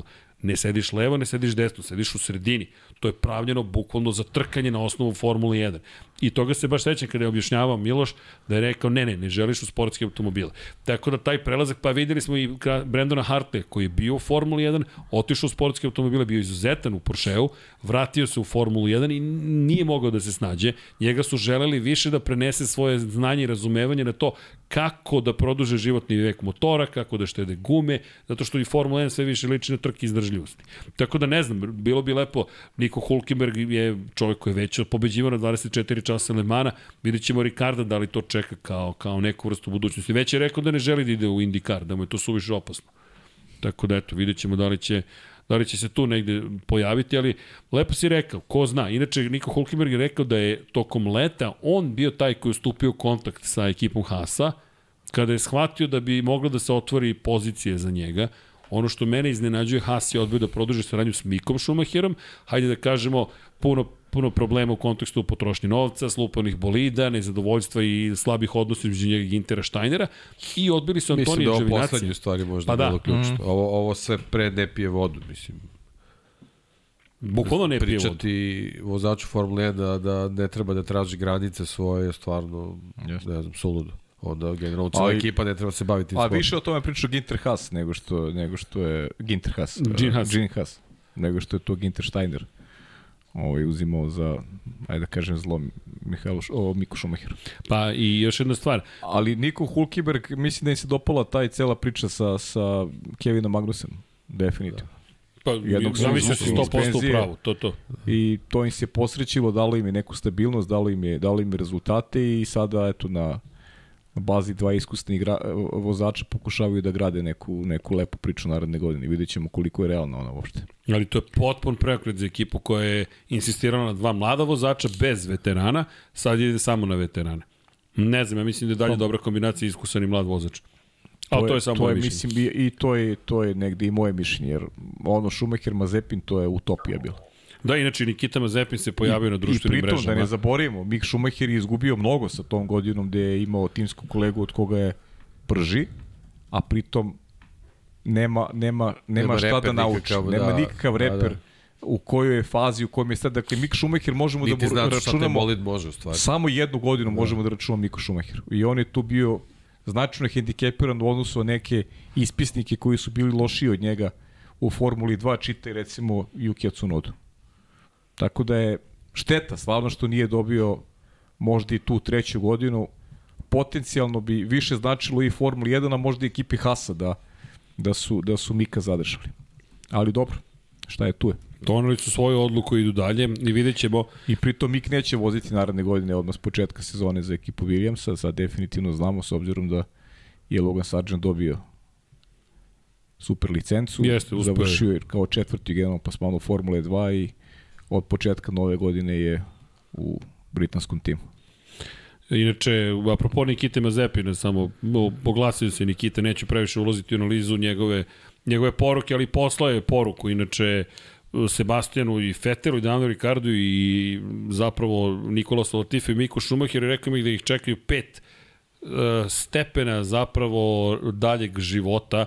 Prvo, poricanje da si ostao bez angažmana u Formuli 1, zatim bez što si ostao bez angažmana, zatim trgovina, ajde da je tako nazovemo, gde će pokušati da, da javnosti se predstavi u boljem svetu, ne u boljem svetu, nego da predstavi sebe na način koji bi mogao da mu otvori povratak nazad, depresija, kaže, i potom prihvatanje. I pisao o tome, Ricardo je baš rekao, prijatelju, popićeš više nego što si ikada popio do sada. I baš je onako zvučalo dosta depresivno, ali mislim samo da pokazuje koliki Nikiti Mazepinu bilo stalo da bude ovde. Niti osuđujem, niti ga ismevam, niti bilo šta slično. Čovek je, dosta su ga ljudi ismejali, šta on ima nekome da kaže, ali ja mislim da je to samo njegov, pa njegova perspektiva. Pa dobro, ima pravo, ne bih, ima pravo, pravo mišljenje, tako je. kao što imaju i drugi ljudi. Tako je, i, on, i bilo je posle Da li nam nedostaje Nikita Mozepin? Meni ne, da ne, da budem iskren. Ne, ali isto tako ne bih čoveka pogotovo kada je izbačen iz Formule 1 sada povlačio, razlačio i po medijima, ali činjenica oglasio se i ono što je rekao, samo poželao je sreću Miku Šumacheru, rekao je zajedno smo stasali u ovom sportu i siguran sam da ćeš Da, da, da ćemo, da ćemo dobiti mnogo lajkova Pjera Gaslija. Ali dobro, to je, pošto Pjer Gasli ide okolo i lajkuje sve što može. Ali to nema veze, dakle, to je neka njihova šala, ali činjenica, eto, kad smo ga spomenuli samo da ne ostanemo dužni za informaciju da se to desilo. Ajde.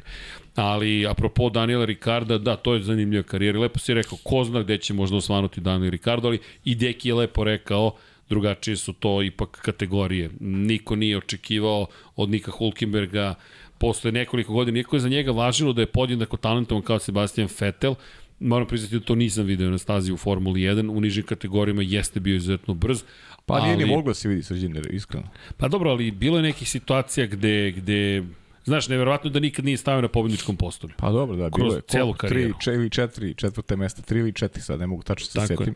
I meni jedan, ne, Nemačka da, ostaje. Jedna pol pozicija. 2018. kada je imao Soli, šansu. Solidan broj poena koji on osvojio za tokom karijere, to je nešto ispod 600 poena, ako se ja ne varam da je, da je, da je niko osvojio tokom karijere.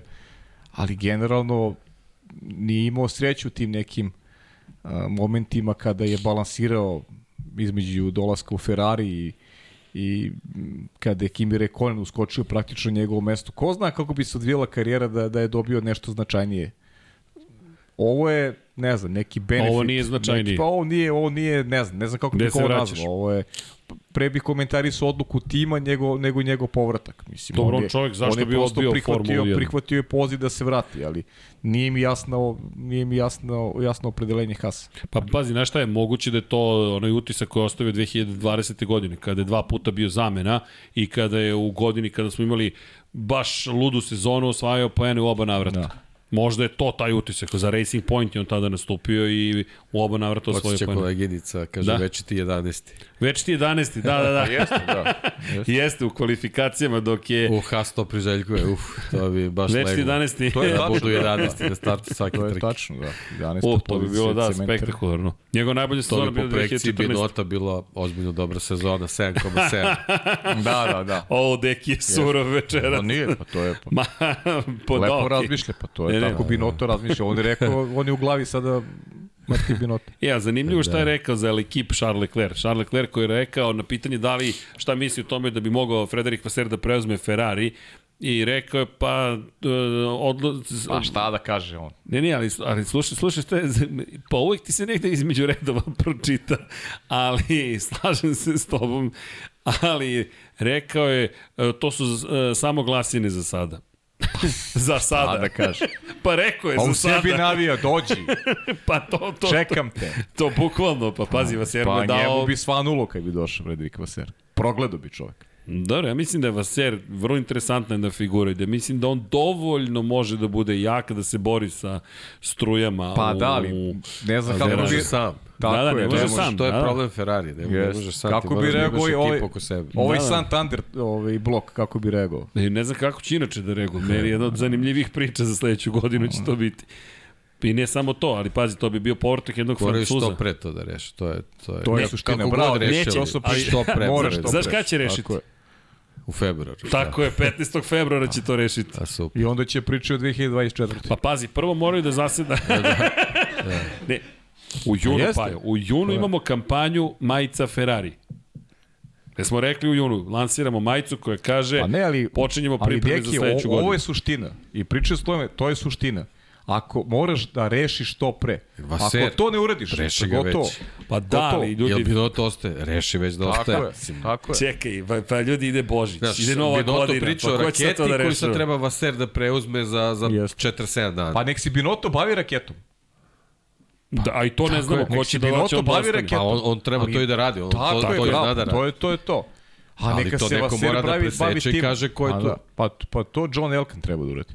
Pa da, ali ljudi... A sad ima nove informacije da navodno nije baš tako, da je čak i, ja nisam vidio tu, zaista nisam to video, da je, da je John Elkan demantovao da, da je to sa Vaserom, mada moram priznati da nisam vidio tu informaciju, uh, samo mi je preneto, tako da se ograđujem, eto, nije, nije ovaj, Pa dobro, ali znaš šta mene sad zanima? Ko, to. ko drži Binota? Čiji je Binota onda? Pa ne, ozbiljno, čiji je, ko, čiji je Binotor? Čija je to struja? O čemu pričamo? Ko, Pa, ko stoji iza Binota? Neko mora da stoji. Znaš čije je on struja bio. Pa čija? Jel nije bio Markioneova nije? Jeste, kako nije. Ali Kako nije čekaj, Markioneve, on je bio Markioneve struje. Sve se odigralo kako je, kako je želeo pokojnik. ali zašto onda Kako je želeo nema Markione. podršku? E, bravo, to je druga, sad Znaš, to je druga to strana je medalje. pitanje, zašto sve nema Leclerc podršku? Markione je želeo Leclera i želeo je da Binotto bude šef tima. I to je Ferrari sve odigrao kako je, kako je on želeo. Međutim, Markionea više nema na ovom svetu. Šta se dešavalo među vremenu u timu, to Znaš, kog ne znamo do kraja. je izgubio milost Charles Leclerc na taj način da se zna da e, ekipa radi sa njim. Znaš, jer pazi, Benedetto Vinja je prošle godine preuzeo u septembru Ferrari kao izvršni direktor. Na vrhu jeste Elkan. On je izvršni predsedavajući. Ali... Ali je na vrhu, naravno. Pa. Vinja je taj koji je prošle godine rekao stojimo uz Matiju Binota. I on je rekao, to stojimo, dakle on mora da ti da amin. I jel, jel to to? Jer Matija Binotto je čovjek zadužen za sportske programe i šef je Ferrarija. N- nema mnogo ljudi koji su iz, iznad njega. Dobro, moraš da imaš i kvalitetno rešenje da bi ovaj, Znaš, jer ti... naš nekog smenio i Pa da, da, nove ma, ljude. Znaš, ma, ali da se to je- nije to je- otvarala to- to je mogućnost. To je to. problem.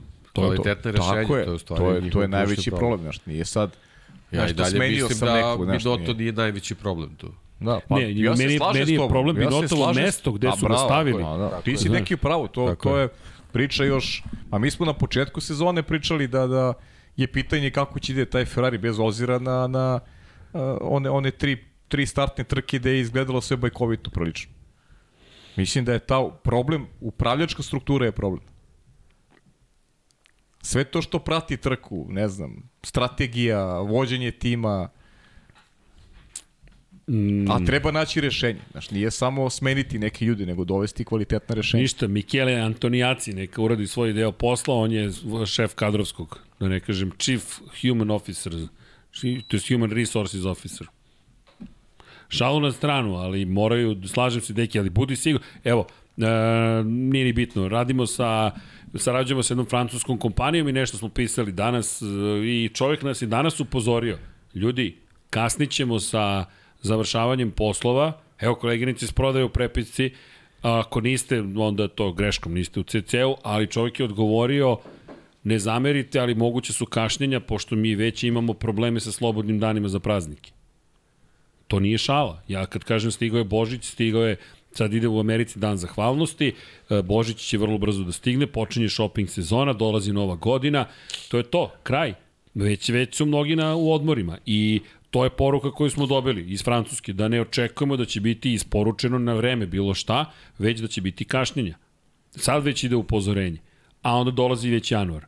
A onda šta si uradio, šta nisi. Pa dok se probudiš iz zimskog sna, februar Pa je već tu. ali Već i u Barceloni. Već Ljudi, i u Barceloni. Ukoliko se ne desi ništa do nove godine, neće, se ni, ne, neće biti ni u, ni u sledećoj. Ne znam, ja, pro, ja sećam prošle godine u januaru su oni potvrdili da daju podršku Binotu. Binoto nije znao do polovine januara da li ostaje šef tima ili ne. To je isto ne, nešto što ne treba zaboraviti. To ne smemo da zaboravimo. Znaš, ajde, pratit ćemo. Ferrari, fascinantno šta se tamo zbiva ili ne zbiva u ovom slučaju. Ali činjenica da oni nisu deki rešili. Zaista, volao bih da kažem da su nešto rešili, ali Nažalost, to trenutno nije situacija. Kako god, ali da se vratimo na, na ekipu Aston Martina, koju, evo, čekamo neko da spomenemo. Ej, Lance Stroll, Sebastian Vettel, pet poena osvojili. Alfa Romeo ni jedan, isti broj poena ste imali na kraju, ali neko je napisao tekst, čini mi se o autosportu, kako je Charles Leclerc pomogao svojoj bivšoj ekipi. Tako što se okrenuo na stazi u Imoli, i onda je Bottas nasledio petu poziciju u toj trci zahvaljujući tom plasmanu na petom mestu imali i imao bolji plasman od bilo koga u Aston Sigurno Martinu. Sigurno mu je to bila kalkulacija, uveren sam. ne, ne, Samo okay, je o tome ali, razmišljao. Evo i sad da. razmišljao o tome. da. da. Pa ne, ali, Možda je negde sa Bottasom na večeri sad. ali koliko je bitan tako je neki detalj, znaš, koji dobro, se desi ali, tamo na ali verovatno sezone. da nije jedini detalj, nego sad Nije, je, nije, naravno. Koliko je tih detalja bilo tokom godine. Ali dobro, bilo je simpatično. Ali opet, za, mislim, Nije zadovoljavajuće, Znaš šta slažem je, se. e, opet šta- taj rezultat pokazuje? Gde je Aston Martin ove godine?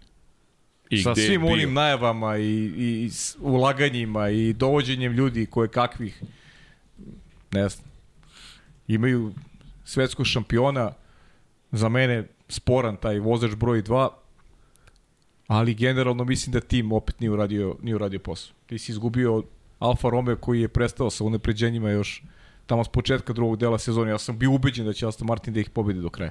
I to se nije desilo.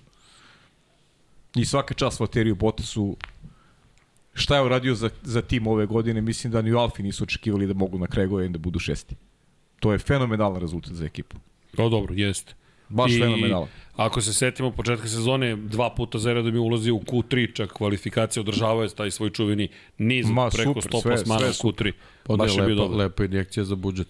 Jeste, Sasvim- kako nije. Sasvim lepo. Sjajno. I rekli su da su inače žrtvovali svoju trku u Abu Dhabiju u cilju da ne dozvole Aston Martinu da osvoji dovoljno poena da, da ih pretekne na poziciji broj 6. To je bio zapravo cilj. Ne nužno da oni budu bolji, koliko da poremete celu trku Aston Martina.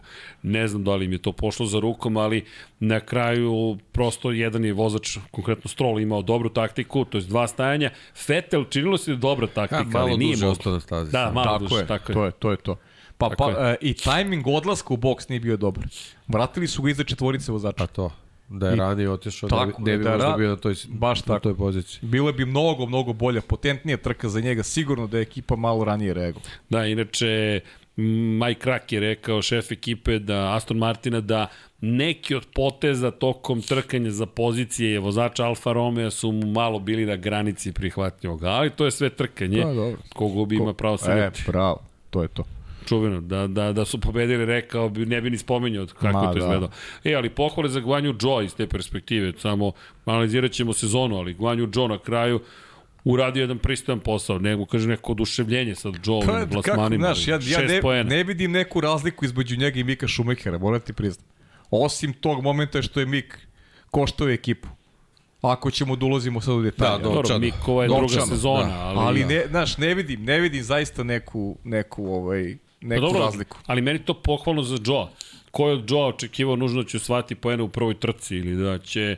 Pa ne, na dobro, on je, on je u Formuli Odradio 2 pristojan pokazao posao. onako da je, da je ozbiljan vozač, da, da taktično prilazi nekim situacijama i, i to je pokazao u Formuli 1. Mislim, imam tu još puno da uči, naravno, ali ovaj veliki mu je benefit Mislim da nema- kolega da, da koji nema- je, da nema koji je možda Mislim da da, su. Ima mislim da su možda slični po nekim nekim shvatanjima tako da mislim da to može da bude ovaj za njega za njega plus Dobro, njemu da, da, vidimo važna kako sezona. će krenuti sledeća Da, sezona sigurno, tako je. Znaš, sledeća sezona je ključna, da vidimo sad Tako šta je. možeš da uradiš. Tako Jer, je. naš, na kraju je on bio konstantno 12. 12. 12. 12.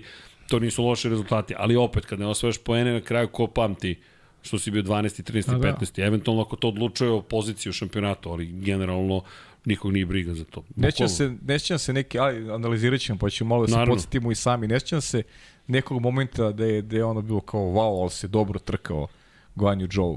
Nije bitno da li je to za 12. 13. Da je u skladu s onim što imaš, ali da, da, da se ga po tome nešto upamti ove godine. Možda sad ne mogu se setim, ali pripremit ćemo se za ove podcaste koji slede koji će se baviti analizom sezone. Da, za razmišljamo o Joe. Meni je najimpresivnija prva trka zapravo bila, iskreno. Tu se i borio sa šampionima, pojavio se u Formuli 1, odmah osvojio poen. Dobro, ali potvrda negde ide Alfa dobro pripremila sebe za, za početak sezone. Jeste. Znali smo da neće moći da isprati tempo razvoja, ali opet je to bilo negde negde lepo.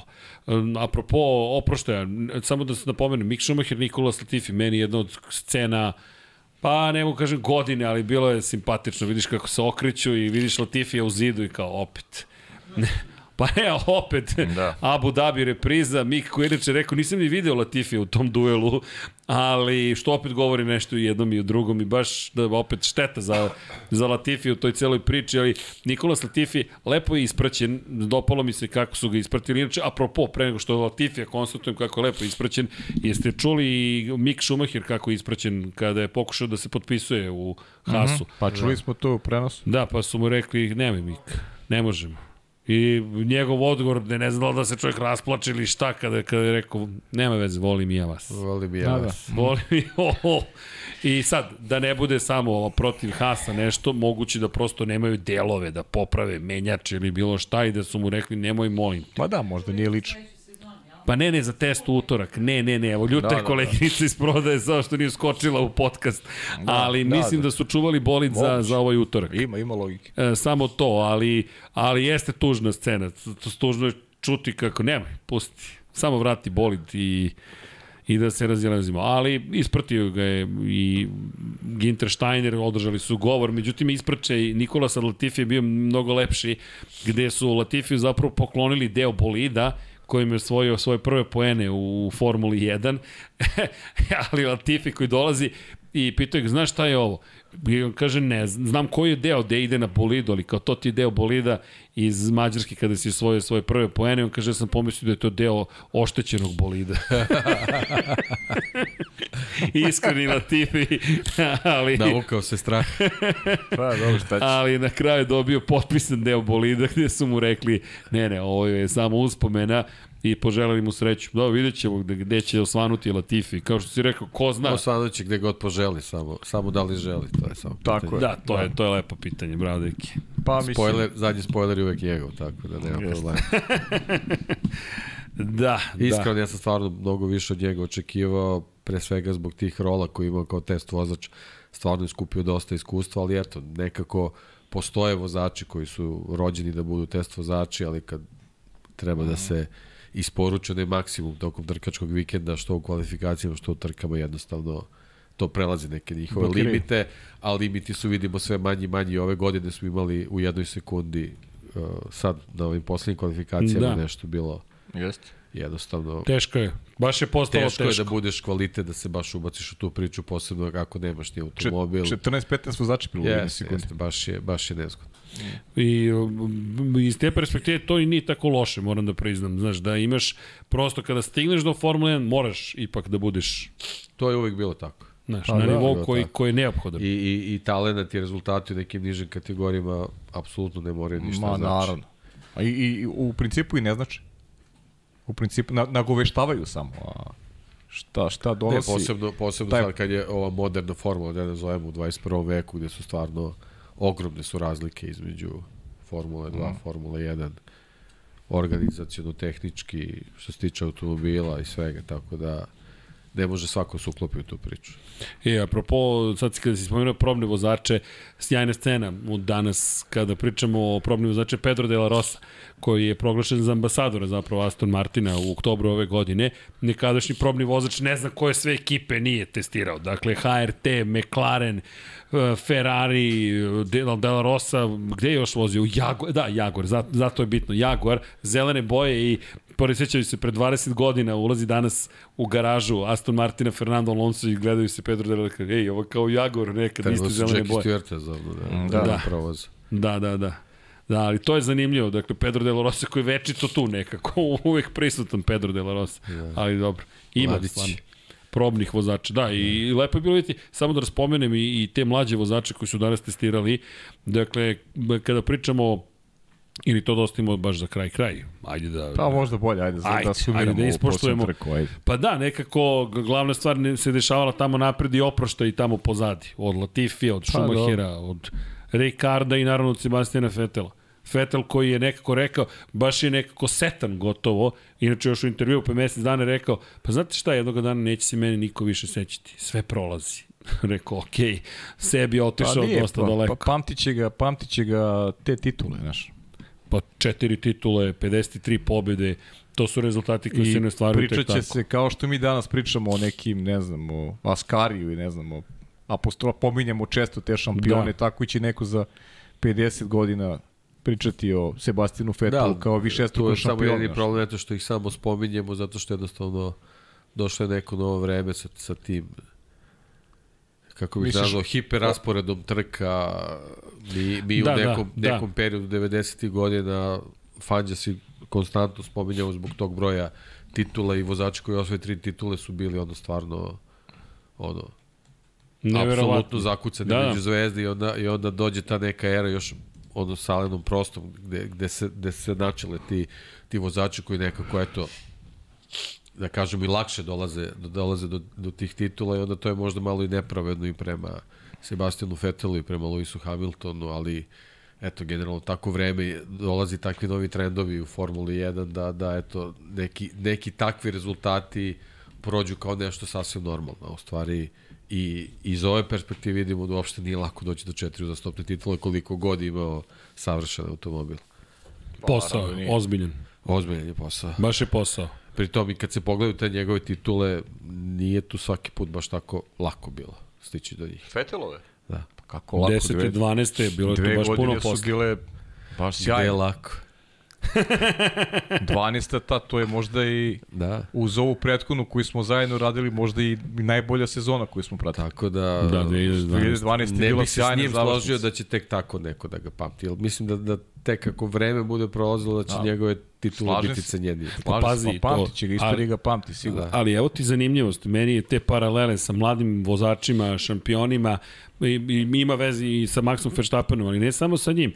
Lewis Hamilton nije imao jednostavnu karijeru na početku. Da, bio je wunderkind u prvoj sezoni, dečko koji može kao Novajlija da osvoji titulu, u drugoj sezoni je osvojio titulu, ali onda počinju, da ne zborimo, britanska javnost ili mediji slični su svugde praktično. Kad ti, kada pobeđuješ, obožavaju te. Kada gubiš, o, stup srama. Ja ne znam koliko se sećate, kakav je pritisak Lewis Hamilton ima još dok je u GP2 seriji. Tada Ogroman. bio. A, Ron Veći Dennis je zabranio medijima da ga, da ga kontaktiraju. On u, u, drugom delu sezone nije imao pravo da daje intervjue. Niti on, niti su mediji imali pravo da mu priđe. Da bi ga zaštitio već Ozbiljan, tada. ozbiljan Da, da. pritisak je imao, a nije još ni, ni, ni zakoračio u Formulu I onda 1. 2009 10. 11. 12. To su sve sezone bez titula, a od njega se očekivalo da bude sledeći veliki britanski vozač.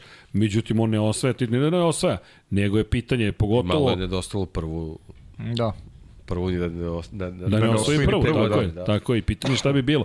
Ali hoću da kažem da u tom momentu nije to, Lewis Hamilton je tek kasnije postao to što danas jeste i najuspešniji vozač svih vremena i neko ko je ambasador na, na mnogim poljima i, mno, i jedan od najpopularnijih vozača, ali u tom momentu, pogotovo u tom periodu, ne volim da ulazimo u privatne te momente, ali on i Nicole Scherzinger kao slavne ličnosti su imali jednu vrlo onako merkurijansku vezu, baš je bilo vatreno u kontekstu toga da rezultata nije bilo zapravo i da je to bilo raznih Nema optužba. veze. Nema veze, ne, ne, neko Što se živo. toga tiče, Neka, mladi ljudi, nek se vole. Apsolutno nema veze. Nego je, nego, ali je samo stvar u tome što, što je Hamilton i tada bio na stubu srama u jednom momentu u Velikoj Britaniji. Kao neko ko ne vodi računa o tome da pa može da bude uspešan i tako situacija dalje. i da slučajno nije tu prvu titulu svojio.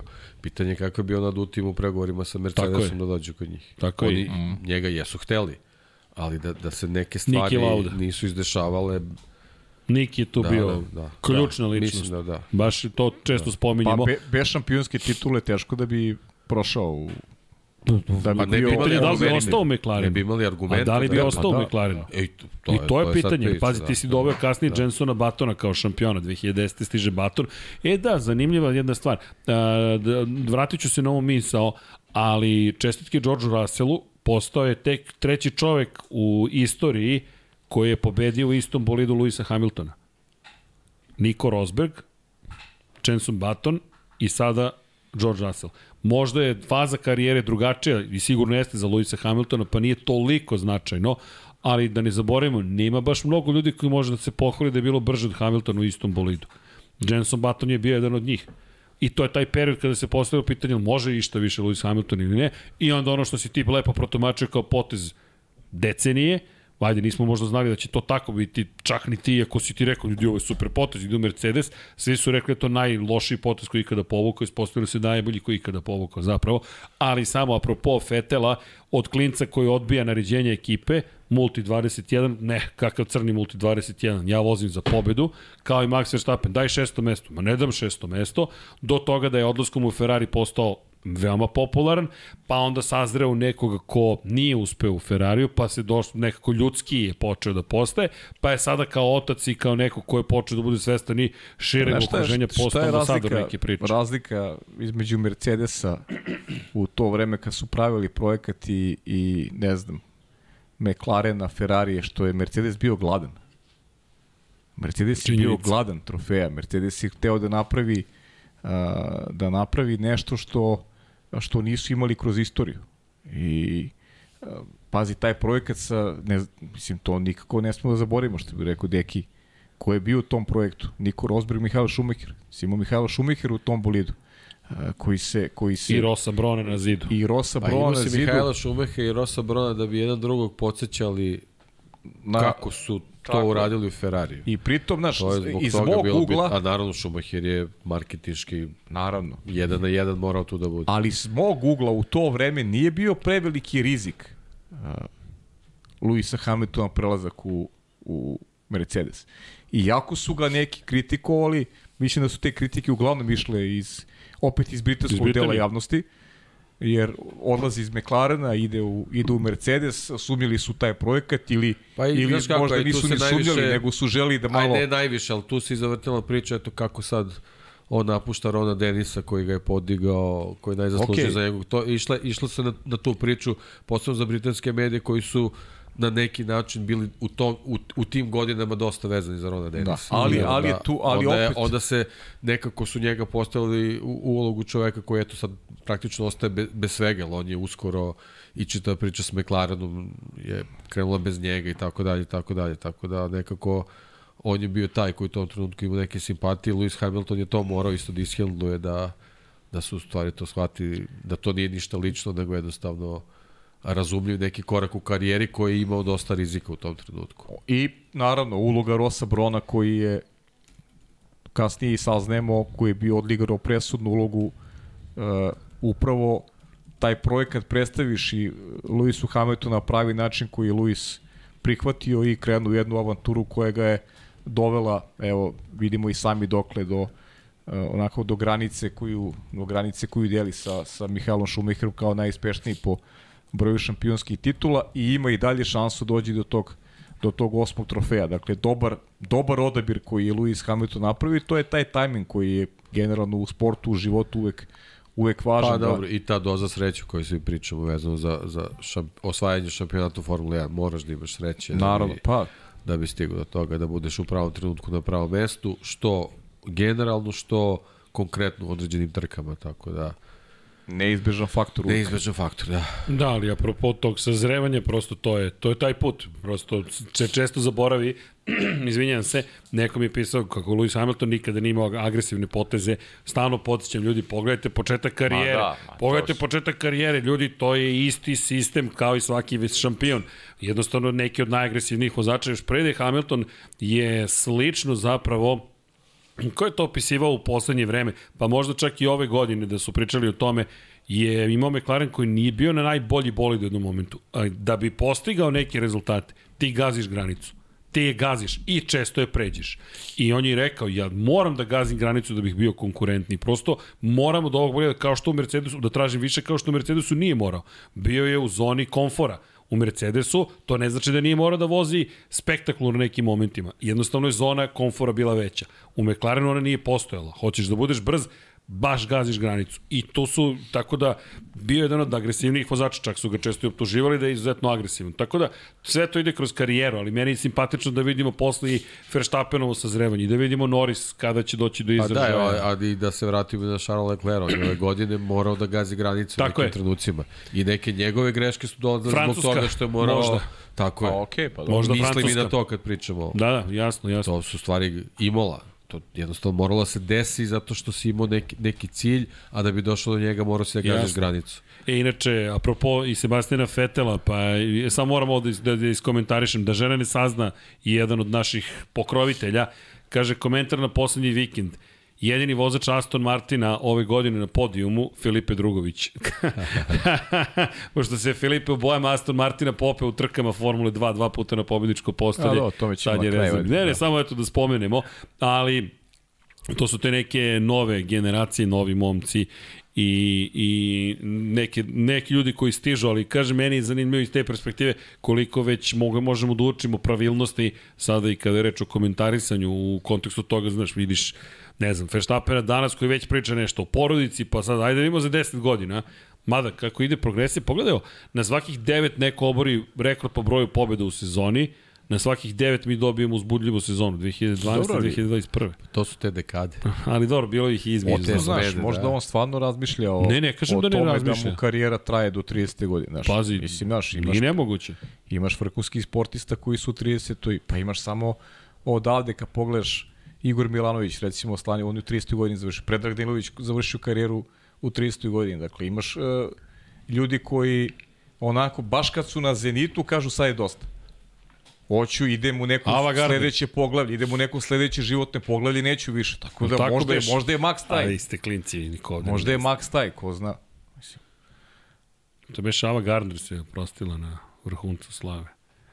Ili nije? Ne mogu da se setim. Pa ne znam, ali eto, kažem ti, pričamo sad ti o moment. sportistima, recimo, naš, koji su Niko baš u Rosberg. 30. godini Čekaj, završili. Niko Rosberg osvojio titulu i rekao Ćao. Dobro, to je Drugačije to, drugačija to je priča, drugačija to je- priča, da on nije mogao da juri rekord. Ne, on to mislim da je bio je da ogr- psihički ogr- već to, to, to, potpuno to, izmoren. To. On je sve dao da osvoji titulu te godine i više nije imao šta da prođe. žrtvovao je da. porodicu, žrtvovao je Bukvalno, sebe. Da.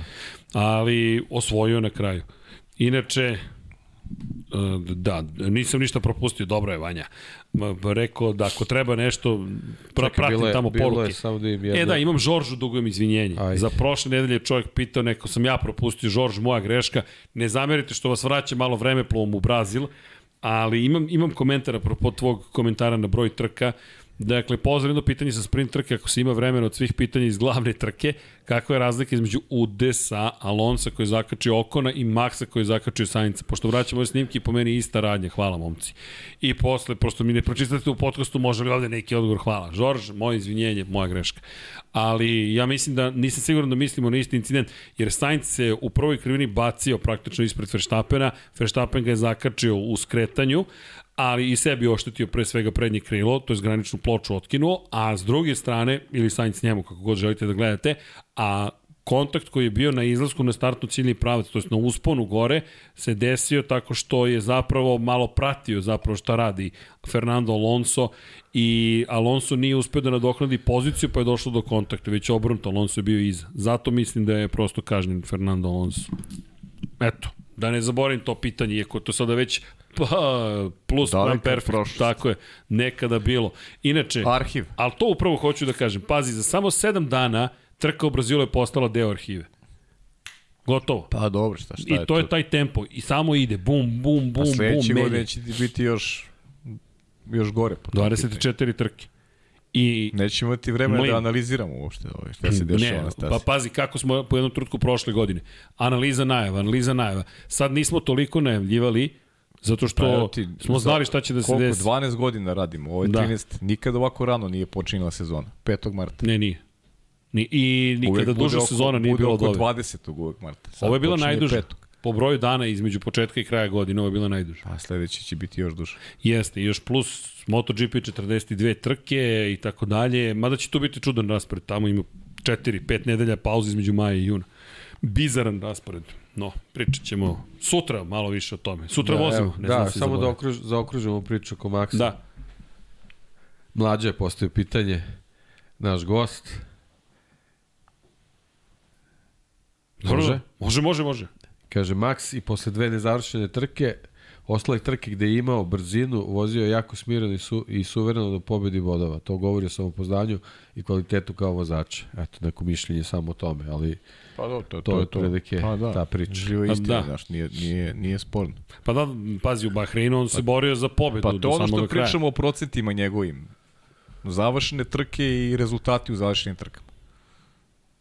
I ne samo ova godina, nego i prethodna, pa čak Pa i, i Australija je dve bila, godine. je li bio na prvo mesto Australije kad je odustao? Ne, bio je, Nije, nije, nije, nije, nije, Nije, nije, nije, nije, nije. nije dominirao, je tipa Da. treći, borio se Da, za Le, treće mesto. Leclerc, Leclerc. Ali nešto je bilo, bio je dobar nešto u tom, taj stint kad je krenuo. Ne, Dobro, nije ni bitno. Ko zna kako bi se završilo. Da, Da, da, da, da. Ali u tom Mislim, momentu, bio bi među tri sigurno. da, da pazi, da. prve tri trke, tri najbrža kruga pripadaju Lecleru, dve pol pozicije.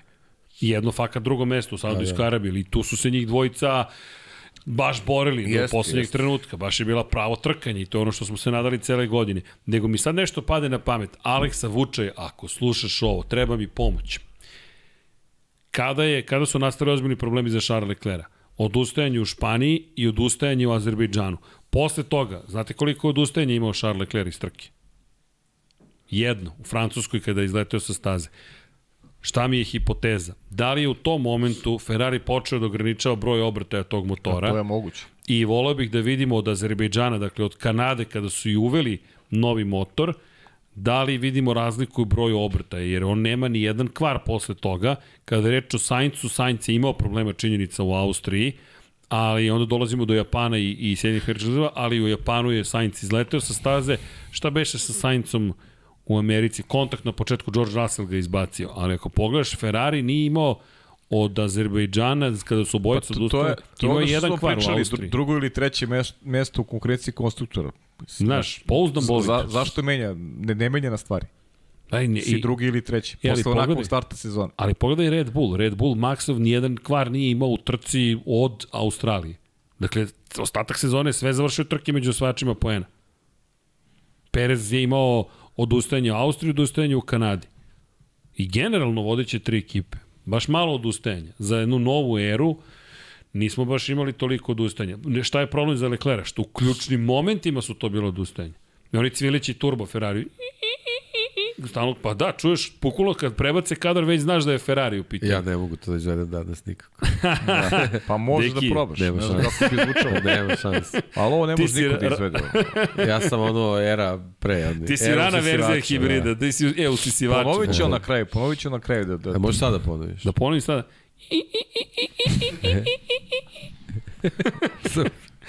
Da, mogu bi da radim crtaće. Jao, to nikad se nije desilo. Ali ako neko od vas nađe Rumble, crtani film, na nekom st- streaming servisu, molim vas nam javite, pošto smo, jel te, pošto ako imate da mogućnost da prebacite na srpski jezik, možda, možda ćete se prijatno iznenaditi.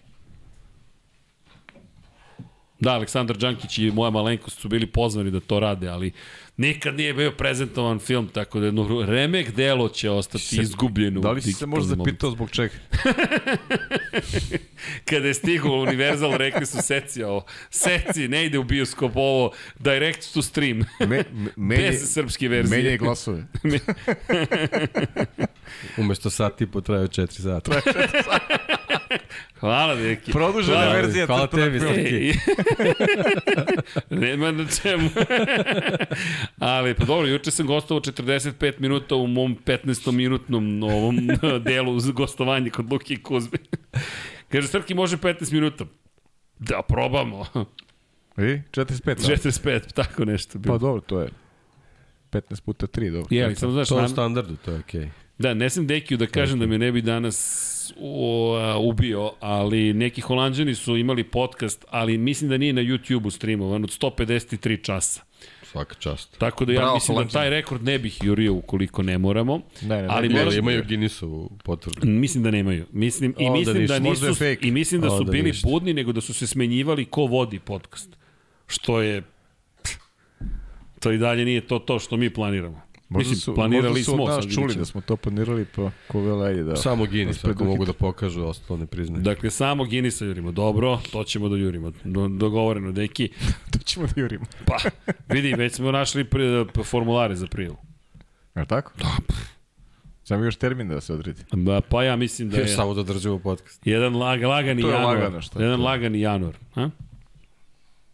Jedino u Čileu da to radimo. Misliš U, februar? u bazenu. U bazenu. Pa daj, Šalim kako, kako da polako, izdržimo ajde, ajde. 48 časa u bazenu, šta A ćemo da ličimo? a lagan. Ali dobro, možemo da se sunčamo. Nego, e, za, za kraj, jel te, mada na kraju dana, hajde da, da, da prođemo kroz, kroz, kroz plasmane, jel te, osvajači poena, zaključno sa Sebastianom Vettelom u 10. poziciji, kao što smo rekli, pobednik Max Verstappen, druga pozicija za Charles Leclerc, treći Sergio Perez, tako je završeno u šampionatu sveta. Peti je bio George Russell, koji je četvrti bio u prvenstvu, čestitke Russellu. Sainz je bio četvrti u trci, peti u šampionatu, Hamilton šesti, nije završio trku, zatim Norris, Okon, tako su i završili u šampionatu. Da, to je otprilike taj To je raspored, to. to Pa je da. to. Bukvalno, To je onda to odustajanje Alonsa, da nisu odustali, tu bismo imali dakle Alonsa i, i Hamiltona, 15. mesto za Bottas, i onda 9. i 10. Ricardo i Vettel koji su 11. i 12. u šampionatu. Tu su imali su isti broj poena, na zanimljivo na kraju. Ricardo je zapravo time što je odbranio poziciju, odbranio i svoje mesto u šampionatu ispred Sebastijana Vettela.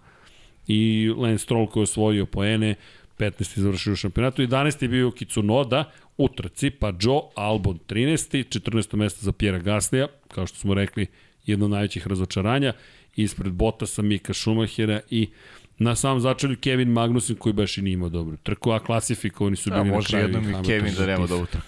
Da, pa dobro, prosto vikend u kojem je Schumacher bio bolji i u kvalifikacijama se to videlo.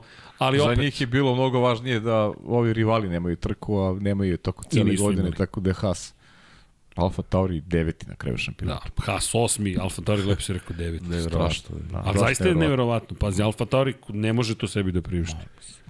Jezivo, jezivo. Baš loše. Baš loše. Nije tako loše počelo, ali na kraju se loše Pa završilo. seti se šta smo sad, mogli bi da vratimo onaj podcast. Koliko propusta? Onaj podcast koji smo imali pred početak sezone. Mm, dosta smo očekivali. Pogotovo od Gaslija. Niko nije ovaj, mogu da prepostavi da, da nas čeka ovakva godina. Dobro su im Da. bila predsezonska testiranja i Pazi, negde smo verovali da... da To je Honda, znaš, to je Red Bull Honda, Power to, to, Trains. To ti kažem, Mi pričamo opet o... Da. Ja sam očekivao pomak u odnosu na prošlu godinu. Ovo je havarija.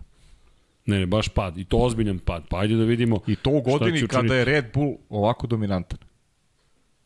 Ti si očajan. Falo je tu možda Alex Albon da, da nije preskočio par trka, ko zna, možda bi ih i Williams uhvatio. Jer definitivno, da, definitivno Alex Albon je izgubio Brzo. malo tonus, jer očigledno se osetila ta posledica. Pa dobro istrpeo se, Pa pa, to, evo Lando Norris to. je imao trovanje, pa nije mogu se sastavi Tako je. nekoliko nedelja, tako da, a kamo li da operišeš lepo Ali je brzo. Tako je, da, Meni se dopada kako vozi Albon. Ne, ne, nije, pa nije sporan Albon, nego ti kažem da je Albon možda mogao i da i na kraju da da prestigne Alfa Tauri da ih, da ih lansira na, na posljednju poziciju. Možda je Alfa Tauri to i zaslužio ove godine. Da bude na posljednjem Da se otrezne malo. Pa vidjet ćemo. Nigde Samo jako mislim da je dobra nezgodan, opcija. nezgodan trenutak zbog čitave priče sa Matešićem i, Jeste. i Red Bullom Da, to ne znamo i, kako i će da izgleda na budžetiranjima i Pa to ne baš, znam baš je nezgodan trenutak da. budeš tako loš. Mm, za narednu sezonu. Dobro, to će biti tek tema. To će tek da bude tema. Dobili smo novi upravni odbor Red Bullu, ali ne i dalje nemamo predstavu kako će se to odraziti na program Formula 1. Držimo palčeve. Bilo bi lepo da Bilo bi lepo zaista da ostanu stvari baš za nas zaljubljenike u ovaj sport, da, da, da stvari budu kao do sada, iako znamo da neće biti, ali da, ne, da, da, da se ne unazade previše. Iako negde najveći strah imamo zapravo za vozače iz nižih kategorija. Jer to smo pričali, ta privat, ta, ta lična sponzorstva manjih, ne timova, nego pojedinaca u manjim timovima, gde neki klinac klinka u Moto trojkama, Moto dvojkama, Formuli 3, Formuli 2, regionalnoj Formuli, ko zna gde, kada počnu da nestaju Red Bullovi oznake sa kaciga, ako se to desi, to će biti znak da se baš promenila situacija. Jer to se onda svodi na profits and losses, gde ti nećeš se rešavati troškova ako imaš za Red Bull Racing ili za Alfa Tauri, nego će se rešiti onoga što se najmanje vidi. E, to je bila snaga Matešića, što nije štedeo tamo gde čak ni nije bilo medija, nego je davao mogućnost nekim ljudima da dođu do izražaja, da svoj talent pokažu. I kasnije eventualno da mu se to vrati ako dođeš do glavne ekipe. Ali nije to samo bio X, vraćam i Y, nego znam da moram da, da, da, da tražim i da podržim veliki broj vozača da bismo nešto dobili. Čak i da je gledao tako, to je baš onda investicijona politika. Ali dobro, u svakom slučaju, da, to, to je baš dobro pitanje, deki. Na kraju sezone, kako god, Alfa Tauri je deveti, Ferrari drugi završio sezonu iza Red Bull Racinga, koji se vratio na tron posle 9 godina odsustva sa vrha, Mercedes na trećem mestu, jedna pobjeda za Mercedes, četiri za Ferrari, svih ostalih 17 za Red Bull Racing, niko drugi nije da, pobedio. Da, i to je neki, da kažemo, ok odnos, osim što Ferrari ne ide u prilog tolika razlika u broju pobjeda da. sa Red Bullom. Pa A da, Mercedes, je, kako je krenula sezona... Za njih je ovo super. To je, da. I ono što meni nedostaje, bar jedna pobjeda ili dve nekih drugih timova. Nigde nije čak postojala ni šansa da se neki drugi tim pojavi. Mi pričamo o Norrisu pa, na trećem mestu. Malo pe si rekao ključnu stvar. Zato što nije bilo turbulentnih momenta, nije bilo mnogo kvarova ovih vodićih ekipa, a nismo imali tu vrstu duela koje su prošle godine vodili Hamilton i Verstappen da neke stvari budu na ivici incidenta i da i jedan i drugi ne završavaju trke. I tako da se nisu otvarala vrata prosto. Nigde. Znaš, Lando šta je mogo da uradi, uradio je, a ovi drugi nisu bili ni Pazi, blizu. Alpina nema plasmana na pobjedičko postolje. Pa ne, ni, ni blizu nisu bili. Znaš, mi pričamo o tome da taj tim nema jedan pehar iz ove sezone. Sa Alonsom i Okonom koji je bio vrlo konzistentan. Alonso je možda najbliži bio četvrtoj poziciji prošle nedelje kada je imao dobar tempo da eventualno i sustigne na kraju Charles Leclerc. Je, znaš kad to, možda? To je bila dobra. Možda onaj početak sezone Australija kad mu se pokvario bolid. Možda je čak to bila najveća šansa. Da. Dok su se kvarili malo da, Red Bull. Pokvario, njemu, pokvario se njemu, da. Često ove godine. Da. Ove godine. I to je malo, neću reći simbolično, to je be, baš mi žao bilo ne, na kraju. Ne, ajde, daš, to, kvarom. to je sad priča šta je bilo kad bi bilo, a ovde si imao stvarno dobro trkanje Alonso u prošle nedelje. Nije bio daleko od Leclerc. Tako da tu da se nešto otvorilo tog tipa, da neko nije završio trku, možda bi imao neku šansu Alonso da bude na podijum, ali baš baš malo, malo prilika za drugi. Da. I to bi bilo dobro da se promeni naredne godine. E, treba, potrebni su nam vozači na pobjedičkom postolju. A, da. Pazi, Alfa je najbolji plasman peto mesto zato što je Leclerc napravio grešku u Imoli to i ti si na taj način zadržao zapravo poziciju broj 6 u šampionatu A znam Srki, ali tolika je razlika između tri, ovo vodeća tri tima i ostalih da, da jedino uz taj način možemo da dobijemo neku neku dramu tog tipa. Dobro, navijam... Potrebne su njihove bliže borbe da bi eventualno dolazilo Bravo, do nekih sa, samo odustajanja. To, tako je, samo to. Samo, samo tako može dobiješ ove tu se vidi da, da, je i među tri vodeće ekipe ipak bilo razlika. Bilo je razlika, pa, Just, pazi, samo na početku su se Ferrari i Red Bull držali zajedno. Da. Ali od ta dva otkazivanja, meni su, zato gledam, i naravno Monako koji je bio srce Parović za Leklera. Ja mislim da su mu tu srce slomili, jer baš i u ekipu bilo pitanje za Leklera, da li misliš da su odustajanje, da li e, šta je, ne, spominjali su mu Silverstone, strategiju Silverstone koja te koštalo potencijalne pobede, rekao je, ne Silverstone, Monako. Još jedan loš rezultat kod kuće. Posle prošlogodišnjeg problema kada nisu pregledali menjač, i nisu pripremili bolid za trku, pa je odustao koji je trebalo da startuje prvi. Sada je startovao prvi, imao je Carlosa Sainca na drugom mestu i opet izgubio pobedu. Da, da, to je baš za, za analizu sezoni, bavit ćemo se da, da, tim. Bavit ćemo to je... To je srce, to je baš moment ima, kada ima je autodestrukcija bila potpuna. Ima tih momenta tokom godine za da. Ferrari. Aston Martin koji se oživeo, nekako Haas koji imao tih par sjajnih trka, pogotovo Velika Britanija i Austrija. Dva puta za redom oba vozača su osvajala poene na kraju osma poziciju. Violi zasluženo dva poena više od Alfa Taurija i Williams koji je sa tri vozača osvajao poene. Zanimljivo. Jedini Williams. Je li tako? Jedini Williams sa tri vozača pa, da. svoje poene. Da. Pa niko Hulkenberg nije osvojio jedan poen. Da, nije. Nije osvojio za Aston Martin kada je menjao. To je jedini vozač ove godine koji nije osvojio poen. Je li jedini? Mislim da je jedini. Jeste, da. Nick De Vries je osvojio, Niko je bio 17. i to je 12. No. Ali zato je dobio sedište. Pa dobro. Sve ima svoje. Vidjet Dobro, vidjet ćemo. Ajde da mu držimo palčeve. I naravno imali smo Formulu 2, ne bih nešto previše analizirao, ali... Pa ono što smo pričali, sva trojica, Filipe Drugović, kapa dole i za ove dve trke. Borio se čak i za pobedu onoj glavnoj. Bilo zabavno na kraju. I pomogao timu da osvoji, da osvoji šampionsku titulu. Da, MP Motorsport. Sa Klemenom Novolakom koji ne postoji tokom cele godine. 305 poena tim. Ti si sam šampion, donosi titulu i timu.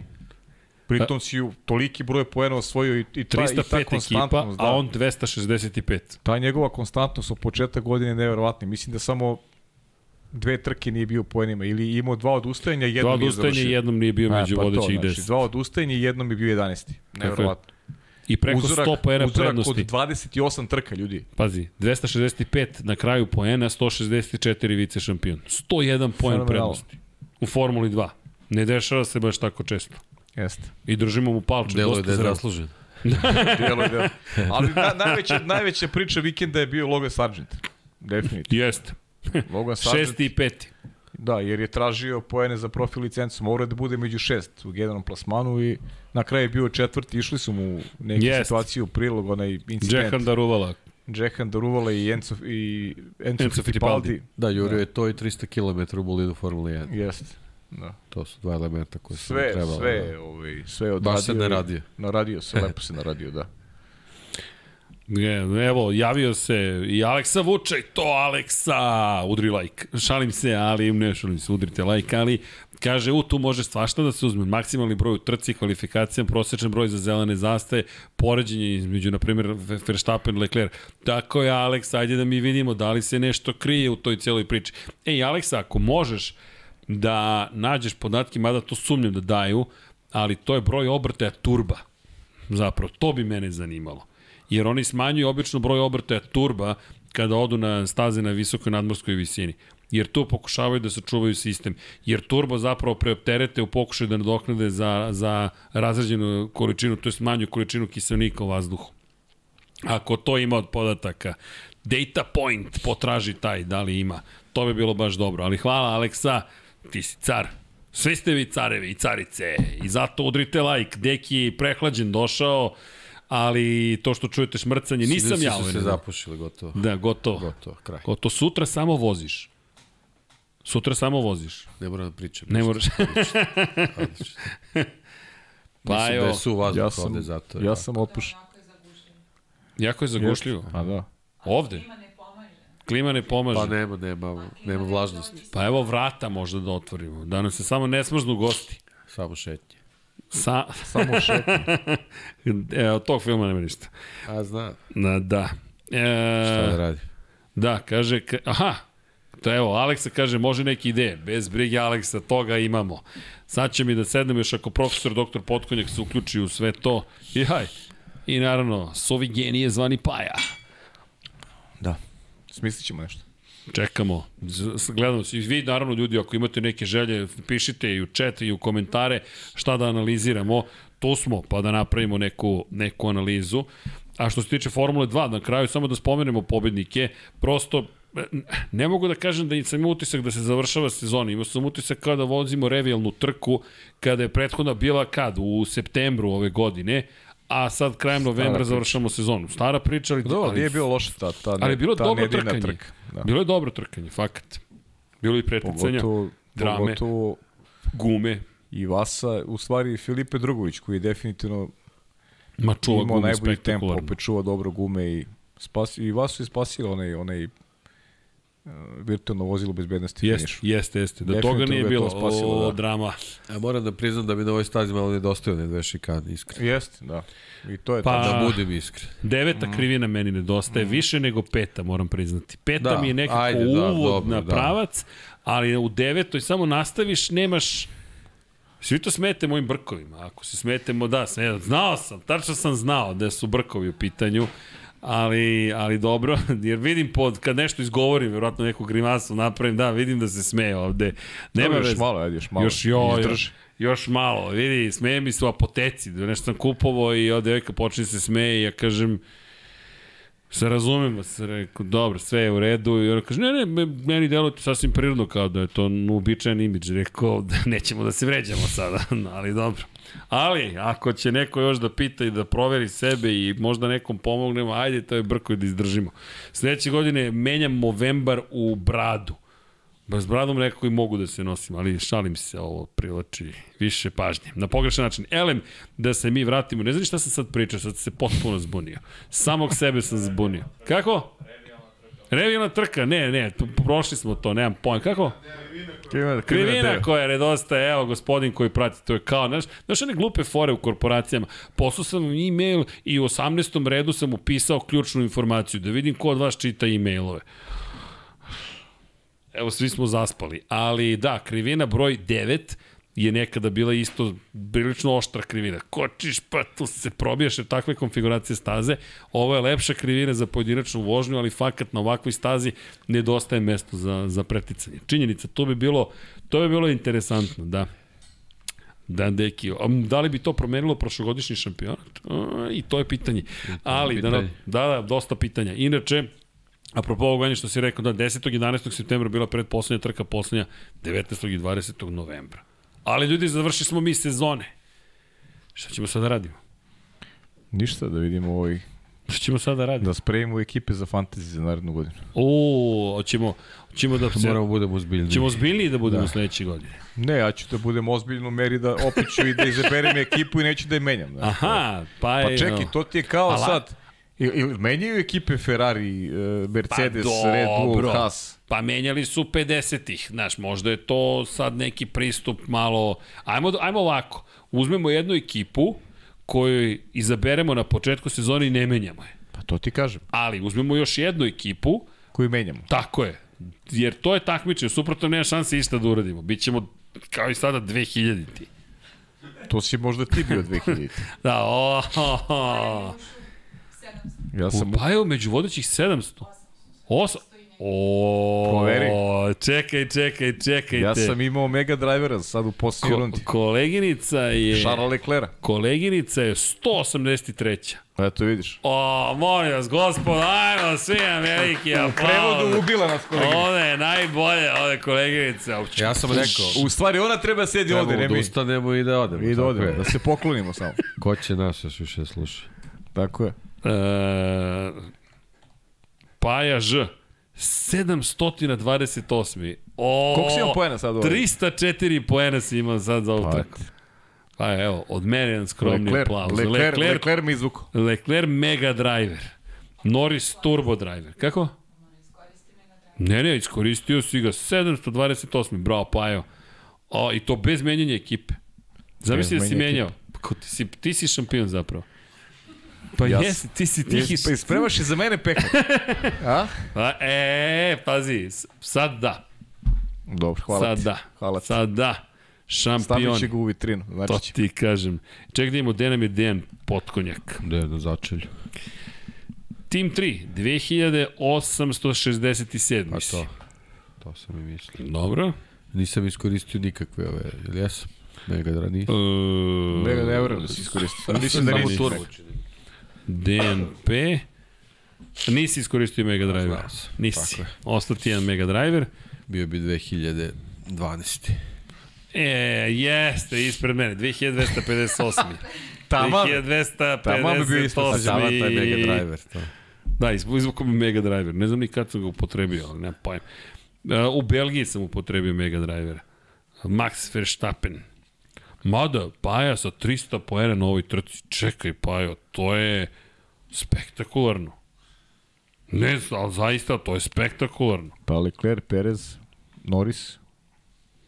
Čekaj, da vidimo. Leclerc, Perez, Norris, Gasly, Bottas i Ferrari. Da. Bravo, Pajo. 300 poena, bravo. Samo ne znam kako su doneli nešto Bottas i Gasly. E, e pa dobro, to je sad ka, Gasly pogotovo. pa, kvalifikacije. Mm Mhm. -hmm. I napredak onda, kroz trku. Dobiješ sve Koliko više je dobio. Gasly? Koliko pa nema Gasly? Gasly ti je doneo 8 poena. Uh, osam. 8. Bottas a, 8. Puna kap. Puna kapica. Top. A Perez 26. Perez 26. 26. Norris 56 i Leclerc 141. Dobro. Pa ja, objasnio. Ne, to je bila igra. Leclerc se trkao Leclerc, za mene. da. On se trkao za mene. Ne, Definitivno. I naravno da, pomeni, po, da pomenemo Kaiser F1, Mihajlo, da imamo Mihajlov tim.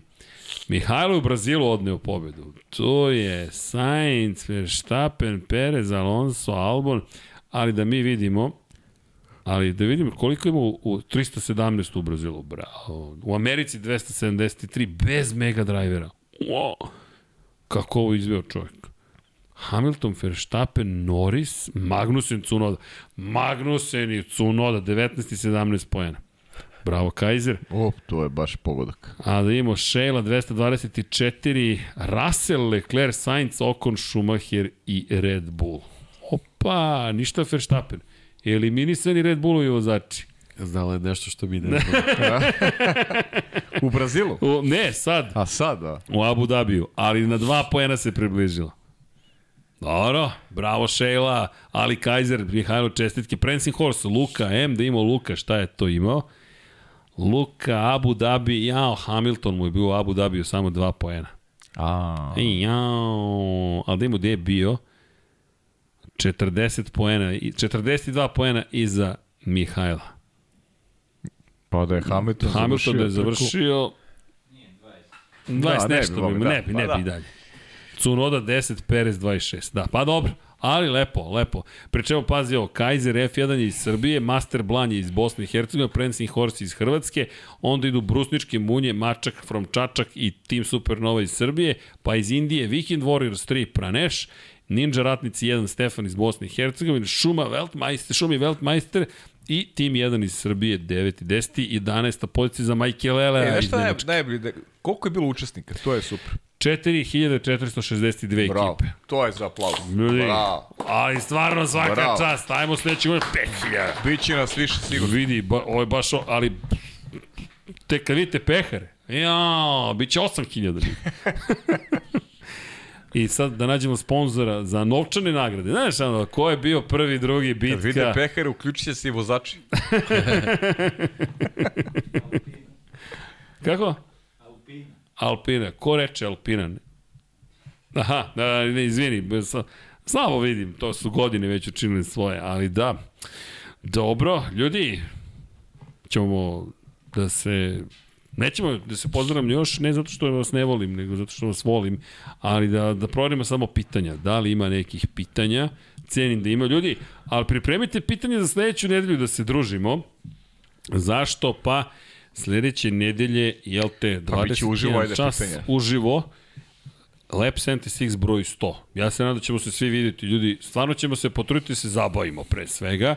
Nemojte očekivati baš najozbiljniju emisiju koju ste ikada videli. Stota emisija trebala se desi pre dve godine. Ali, pošto je bio COVID, pa nismo mogli čak ni da puštamo goste u studio, neko čudno vreme i tako dalje i tako dalje, onda smo rešili da to odvoj, da po to pomerimo za moment kada budemo zaista u mogućnosti da se svi družimo. Došao je taj trenutak. Evo, imamo i svoje pivo. Jeste da dolazi iz 99 yardi i nemojte da pijete i da vozite. Evo, jel, kako je pivo? Ček da proverim. Kako je pivo? Evo. Kako? Lep lager. Okej. Eto, Dobro, definitivno nemojte da dolazite svojim vozilima. Dakle, ni motociklima, ni automobilima, ni kamionima, ni autobusima. Motociklima neće sigurno dolazi. Ne, nikad se ne zna, Pajo. Nemojte, molim vas, dođite taksijima, autobusom, ne znam kako god, s obzirom na činjenicu da, jel te, ne treba da se pije i vozi, to je najvažnija poruka. Morate da vozite računa jedni drugima. Da li neko ima neko pitanje? Da li neko ima neko pitanje? E da, još jedna stvar, da ne zaboravim, šelim poziv ljudi da se zaposlite u Formuli 1, pa molim vas, nemojte da... Kako? E, Na, me, aha, a Vanja, vidi ga Vanja što je spreman. Aha, punjač, uh, čekaj pa, možda mogu da ti pomognem oko toga. Jel se napuni telefon? ne, prazan. Prazan. Sad ćemo to da sredimo. Čekajte, čika pa i da pomognem.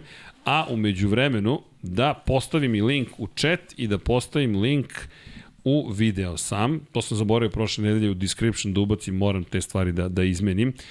I evo ga, chat, dakle, čekaj, čekaj, čekaj, čekaj. Evo ga, dodao sam i pinovanje. Ko hoće da se zaposli u Red Bullu, ljudi, potrudite se. Inače, Srki moje mišljenje da su u Ferrariju svi čak i Binotto svesni da Binotto nije mesto na čelu tima, ali nemaju pravo rešenje i traže ga već i prošle sezone kao i ove. Branislav Demić, imaš donaciju od 10.000 dinara, a to smo pročitali, ja mislim. Da, najbolji ste momci na početku, veliki pozdrav i hvala za odličan coverage cele godine. Čekamo Mart, čitali, da. tako je. Ali pozdrav za Nikolu, čekamo Mart 2023. Popitek po kojoj piću uz neko meze od mene, sledeće nedelje, naravno. I inače, ovako velika donacija, prvo hvala, ovo je ogromna donacija. Zaista, ne, ne znam šta da vam kažem Nikola osim hvala, ali ovako velike donacije ja mislim da se trajno budu upisane u chat, tako da one nemaju vremensko ograničenje. Makar je to neki moj zaključak jer ovo stoji od početka. Ima, sad će, sad će da nestane. Dobro, To Vanja iz iskustva. Juče, juče donatorsko veče Luke i Kuzme bilo. Inače, um, dakle, da li su svesni? Pa, znate šta, možda su i svesni, ali ono što su i Deki i Paja lepo rekli. Ko? Ko?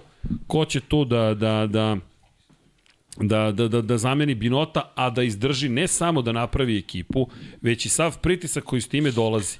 Jer znate kako, koliko puta vam se desilo u životu da su ljudi vrlo jaki na rečima, ali da kada treba da preuzmu vodeću ulogu, nema ih. Binoto u krajnjem slučaju preoze vodeću ulogu. Ne kažem da je svako za vodeću ulogu, ne, ne znam šta je opasnije. Onaj ko preuzme vodeću ulogu, a nije trebalo to da učini, pa sebe ubedi da je za to, ili onaj ko izbegava da bude u vodećoj ulozi, a, a ima potencijal.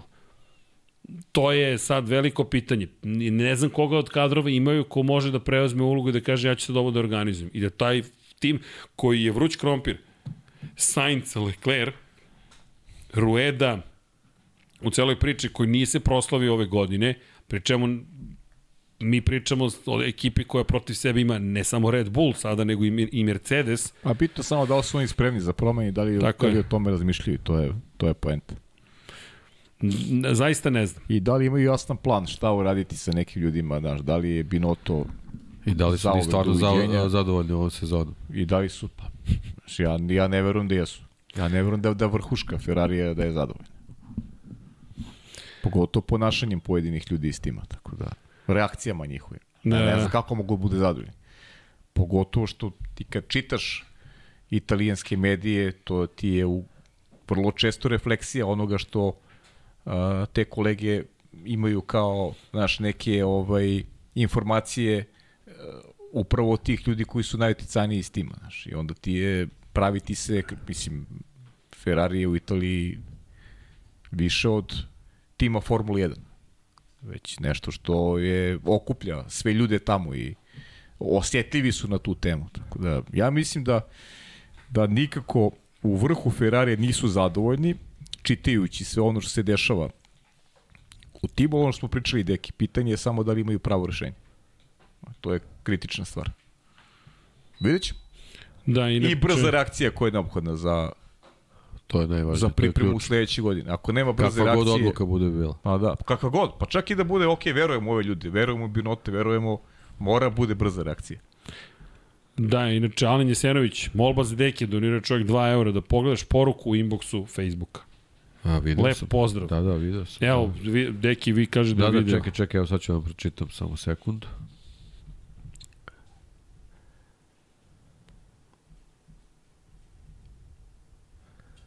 Uh, imam zanimljivu knjigu Jeremy Cowna o najveći svih vremena u Formuli 1 bazirano na matematici. Dobro, da, super. Kako, kako? Uh, najveći svih vremena je bazirane na matematici. A, to je Ayrton Senna tu na prvoj poziciji. Ne, Juan Manuel Fangio. Stvarno? Da, znači ovo su neki nisu... koeficijenti. Fangio 65, Schumacher 59, Stewart Hamilton po 58, Clark 56, Sena 54, Prosti i Vettel 52, boda neka poena ili šta god, Fittipaldi 48, Lauda 43, Alonso 38, Mansell 35 i Stirling Moss 31. 2, 4, 6, 8, 10, 12, ovo je 13, da kažemo, najispešnijih. A, da, čekaj, video sam Da, ima to onaj matematički model koji je pre par yes. godina predstavljala Formula 1. Samo da vidim. Ali to su malo onako čudni rezultati. Tu imaš neke... Pa naravno, nije to... Ali, ali interesantno si, ali simpatično je. Čekaj da vidim. Ne, evo, na primjer, ovo što sam ja video je bio Sen, ali imaš na drugom Jim Clark da je najbolji. Da, pa dobro, da, ali evo Pa onda Jackie i tako da. classification. Da, da, okej. Okay. Hvala, svakako. Mi, apropo Jima Clarka, ljudi, Jim Clark ima 33 pol pozicije 60-ih. Jim Clark je važio za apsolutno najveći talent, za najvećeg talenta. Nažalost, izgubio je život u trci Formule 2, ali Jim Clark je imao svoje dve titule, ali bio je na putu da bude jedan od zaista najvećih svih vremena po, po i po statističkim podacima, ali jedan od velikana koji nažalost završio pre vremena, mnogo ih je tako završilo. Inače, da evo, kaže Vanja Danilo Ivanov, reci Srki da pozdravi čoveka za donaciju. Jesmo, jesmo, to smo na početku učinili bez brige, samo to stoji do dosta dugo, tako da, da, da ne brinete. E, da vidimo. Uh, čekaj, pobeglo mi jedno pitanje. Mm, sa pobeže mi, a bilo je baš zanimljivo u svakom slučaju. E, da, li, e, da, Uroš Čuturilo, da možete objasniti šta je tačno u situaciji Luis sa Sainzom mogao da uradi da ne dobije kaznu, osim da vrati svoju poziciju. Nije imao gde Luis da se skloni, a treba da se ostavi prostor. Pa tome smo pričali zapravo prošle nedelje, to je taj moment Isto. neko mora da bude kriv. Pa da. To su pravila, tako su sada napisane. To je Deki priča, objašnjavao još i prošle i pretprošle godine. Baš smo pričali na prethodnoj trci i prošle godine u Abu Dhabiju i u Saudijskoj Arabiji. Neko mora da bude kriv. Krivlji, ili ti više kriv je prema pravilniku Lewis Hamilton. Zato je morao da vrati poziciju. Ne zato što negde smo mi razmišljanja da su to trkački incidenti i trkanje. Ako se vratite Lewis Hamilton, na primjer, pitajte samo Nika Rosberga u Americi, gde mu, koliko prostora mu je ostavio Lewis Hamilton, tačno 0 mm na stazi i nije bilo prekršaja taj godine, ali to je bilo pre 5-6 godina, Formula 1 se čak i on tom relativno kratkom vremenu za njenu istoriju promenila. Ali to je trenutno stanje u Formuli 1. Šta je mogao da uradi? Manje više ništa. I to je sada ono o čemu smo pričali, da možeš da se baciš na neki način, ako si ispred, pravilnik kaže ti si taj koji je zapravo pobedio na ulusku u krivinu. Nije baš najsrećnije rešenje. Pogotovo što su prekoliko četiri godine imali filozofiju let them race. Neka se trkaju, pa ta filozofija negde usput nestala. Nazdravlje. Hvala. Izvinjam da. se. Treba će ti. E, da vidimo.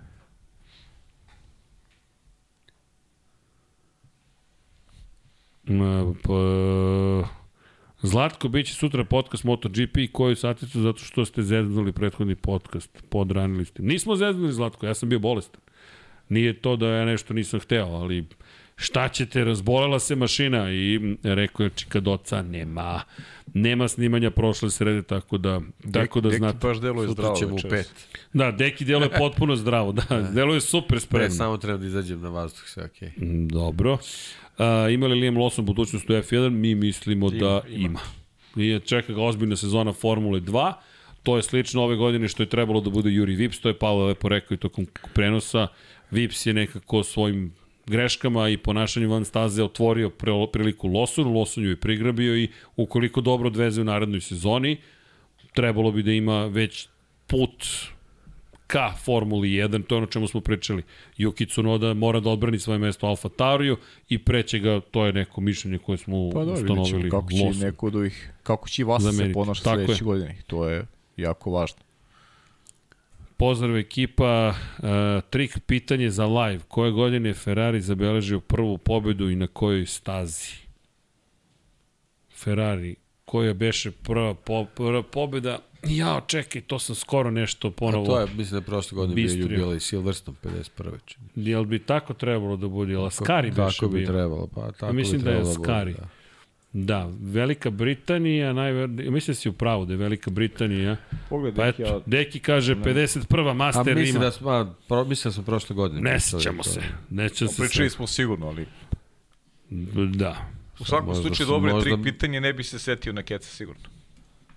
Da, ali mislim da je Deki u pravu, da, je- zato što jeste bilo obeležavanje te prve pobjede. Ma da li Silverstone? Eto, tako da... Ali nije Askari, Askari Nije je pobedio u Nemačkoj, da. 14. jul Jose 51., da. Roland Gonzalez, zaboravio sam. Pa da. Eto, Master ima, ali Deki je znao gde. Ali trik pitanje. Silverstone je bio? Da, podesite temperaturu klime, jer ne morate da je palite i gasite non stop. E, Ada, Sokolović, E. Vanja ovde se boli ga, bubrezi, frka je i tako dalje. Nije nama lako. Nije, nije, nije lako, tako je. A, pozdrav Podržavam svima. te, Vanja. Izgotovuše pozdrav. Uva klima. A, niko nije kriv za guranje van staze, pa samo je presekao krivinu. Pa, pa samo je presekao krivinu, pa krivi za sečenje krivine. To vam piše u pravilniku, ne možete tako da vozite. Tako da, tako su je napisali. Isto kao A da, ali prošle. dobro, sad dolaziš u detalje. Mislim, presečeš je. krivinu je jedno, drugo je kad presečeš krivinu na kojoj je ona kobasica, odletiš u vis, izlomiš automobil i onda te opet kazni. Mislim, Slažem onda se, nemoj, Deki. nemoj da stavljaš te kobasice, dobro, nek seku, 5 sekundi ih vrati, sve je okej. A, imamo moment i kvalifikacijama isto. Možemo to to, sad- pričamo o Lewisu Hamiltonu. O, o milion stvari možemo pričamo o detaljima, posebno o tim elementima koji se nalaze u tim krivinama, koji su različiti od staze do staze, negde ima, negde nema, mislim. Mnogo ima nedoslednosti u tome i to je ono što je najveći problem s tim pravilima. To najviše nervira u stvari. Klasika, da. Da, inače Nikola pita koji je motiv timovima koji se bore za petu, šestu poziciju ili stvar u novcu. Novcu. Sa strane nadmitanja i za top 3 nije ništa važno, hvala. O novcu. Pa znate Novac- kako? Novac da bi preživili sledeću sezonu gde se Tako je. nadaju da će biti bolji. Tako, Tako i je. još jedna stvar, ako se već trkamo, bar se trkamo protiv nekoga, pa sad nemo, ako nisam treći, ba mogu budem šesti, bar neku mini pobedu da odnesem u celoj priči. Sa strane nije važno, ali kada ste unutra, Kad podnestane novca nema ni Pa i, i novce koje dobijaš, Pa da. koje dobijaš po slovu ugovora od uh, ovaj Formule 1, a pritom i od novca poticina koji možda dobiješ od Pa, sponzora. je dakle, reklama, oglasi. svaki, svaki poen je važan u, u, u, funkcionisanju tima i, i stvaranja neke bolje slike koja, koja može da im pomogne da ima... na duže staze i- imaju rezultat. Ima jedan parametar o kojem se ne priča toliko, to vam je air time, ili ti koliko vremena je vaš bolid bio prikazan na TV-u. I to vam je jedan od najvažnijih izveštaja koji vam zapravo dostavljaju što Liberty Media, što Dorna. Oni bukvalno prate, imate software za praćenje, bukvalno prepoznaje bolid i on bukvalno na kraju izbaci izveštaj koliko je koji bolid bio minuta, sekundi, kako god u kadru. Dorna čak ima formulu, to je neku vrstu i obaveze, zašto, na primjer, u Moto Grand Prix, ne, za, za Formulu 1 ne znam pouzdano, ali znam pouzdano za Dornu, jer sam boš pričao sa njihovom produkcijom o tome, oni imaju bukvalno parametre prikazane, da li su dovoljno vremena posvetili određenoj ekipi, jer svaki, da li vozač, da li tim, mora da bude prikazan minimalnu količinu vremena. Imaginarnija vrednost od kriptovalute. Kako? Imaginarnija vrednost od Pa kriptovalute. to ti je sad, ja, pa, pa, pa, da li, Da, dobro, sve ali vidi, to ono što prodaju i to ono što onda tim uzme i. Da. da nekom sponzoru i kaže evo koliko smo vremena mi proveli na TV-u. I Ja ne znam kako se to meri. Šta ima Suzuki od, od one posljednje trke ovaj, vaše? Od Suzuki, Suzuki zvao da pita da li smo dostupni za E. povratak u Moto Grand Prix. Da, da, nosili smo kape i kačkete Suzuki. Nekako bilo je zabavno da ih ispratimo Ne na taj samo način. to, nego i od trke generalno, eto, da su ostali, šta su imali one posljednje trke, bili su u kadru samo kad Bio- je prolazio dve i po čovjek sekunde. Bukvalno, ali to je, e, to je sad zašto, za, kako Dorna ne radi svoj posao kako treba. Ispratiš Rosija tako što prikažeš 100 metara poslednjih njegovih u karijeri i kaže, evo, Rosić, aj čao. I ovde ljudi koji se Fetelom bave cela priča, vodio ih Lewis Hamilton na večeru, druže se, pozdravljaju, A, dobro, nose kacige u njegovu čast i I tako to, dalje. I to dovoljno govori. Govori, govori o tome kada razumeš šta zapravo treba da bude priča. I pripremiš poseban pozdrav Sebastijanu Fetelu, koji uz svo dužno poštovanje i manje je učinio za Formulu 1 nego šta je Rossi učinio za Moto Grand Prix. Ne bih poredio uticaj koji su imali na sportove. Pa mislim, ne možeš da porediš nikoga s Tako je. uticajem Na sport. Valentina Tako je. na sport, da. E, šta još imamo, čekaj, da vidimo, kaže, Srki ušao u lovu, padaju pare. Može, ko, ko primećuje, slobodno, kliknite na dolar. Da, Ta masa ima pare da se obrije. Da, inače, hvala svima za podršku i Patreonima i članovima na YouTube-u.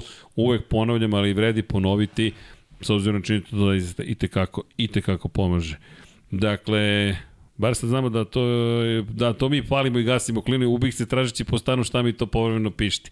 To smo mi, ali ćemo onesposobiti zvuk paljenja i gašenja klime do sledećeg podcasta. A što se tiče kabine, a, jesmo pobedili, nema više škripanja stolice. Pobedili smo kad smo bacili treću stolicu. Bacili, izbacili smo stolicu koja škripi, dakle, pa ja se gledamo i stvarno škripi ili škripi, škripi, škripi i na kraju je bilo stolica napolje. I, smo se setili na kraju sezone. Da, da, dobro da na kraju smo izbacili tu stolicu i našli onu koju uopšte nema nikakvo podešavanja, nego jedna fiksna klasična stolica.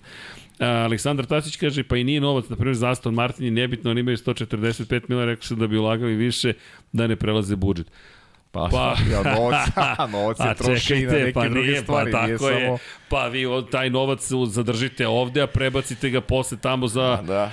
potrošnju van toga, promotivne Ne svrhe, marketing. Dovedete nekog dobrog inženjera, Tako je, uradite nešto drugo sa tim novcem, ne mora to da nije, bude samo nije, za... nije, da, nije to baš tako. Da, ni- nisam još vidio ekipu koja odbija novac. To još nisam sreo. Ili vozača koji kaže neću svoj Igrajte, bonus. igrajte F1 menadžer pa da vidite šta sve može. A, da, da, Da. da. E, zanimljiv jeste iz te perspektive. Igra Neću da igram. Neću. da Nećeš. igram. Odmah da ti kažem.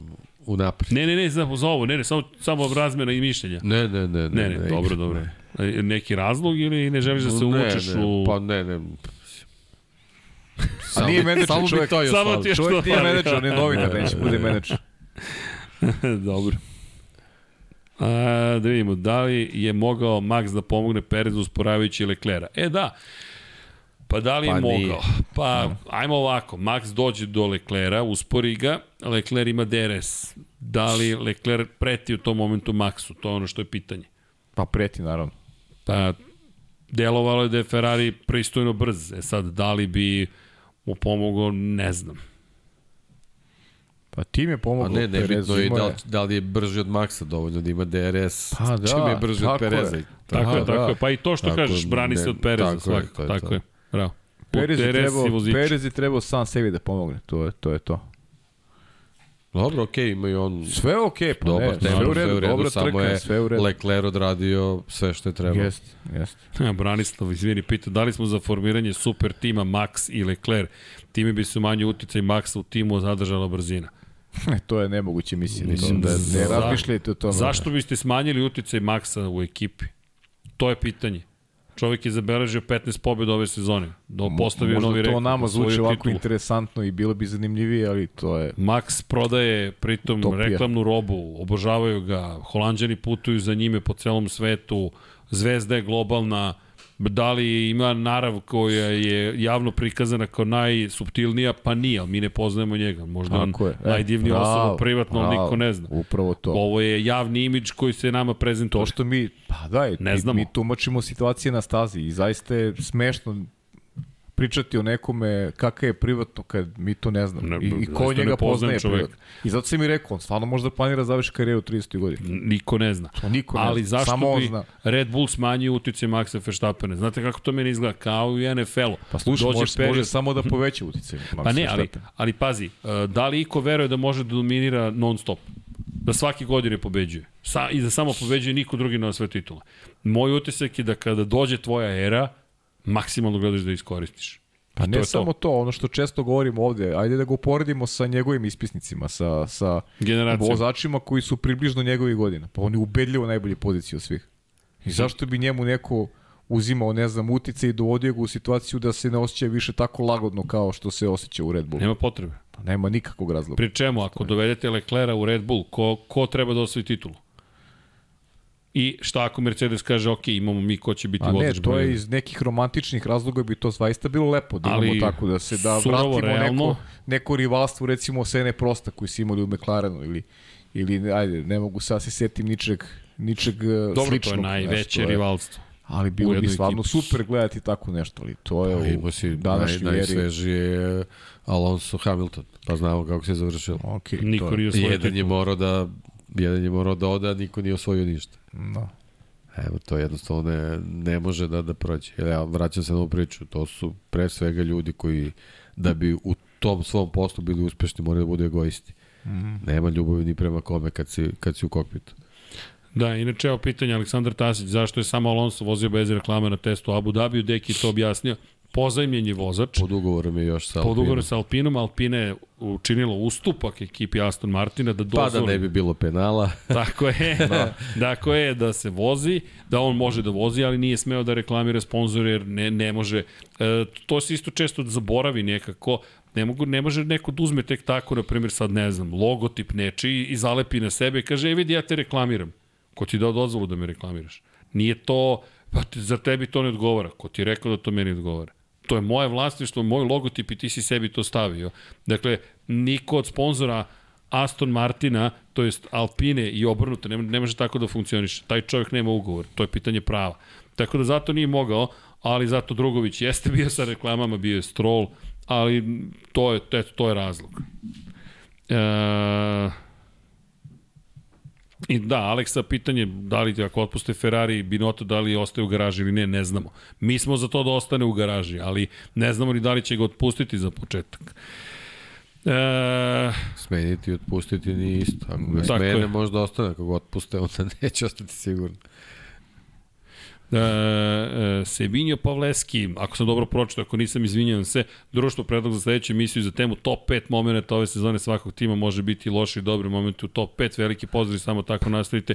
Hvala. Sledeća emisija je druženje ali tokom Pa dobro, za analize neku onu tamo možda za ono, može, tako da. je, tako je, tokom međusezone hoćemo. Top 3 je dobro, vremena. top 5 je možda mnogo, ali top 3 je okej. Okay. Čekaj, morat ću da eliminišem. Uh, čekaj, čekaj, uh, Milotine, odoste u timeout. Ovde nema politike. Ćao. Uh, tako da znate. Dakle, i te uvrede na nivou, ko do, dosadio sam sa Hanom Šmic da je ženim, budite pristojni. Zaista nije toliko teško. Zar nije dosadio taj besmisleni govor stalne neke mržnje i širenja besmislenih priča. Dajte, ljudi, aman.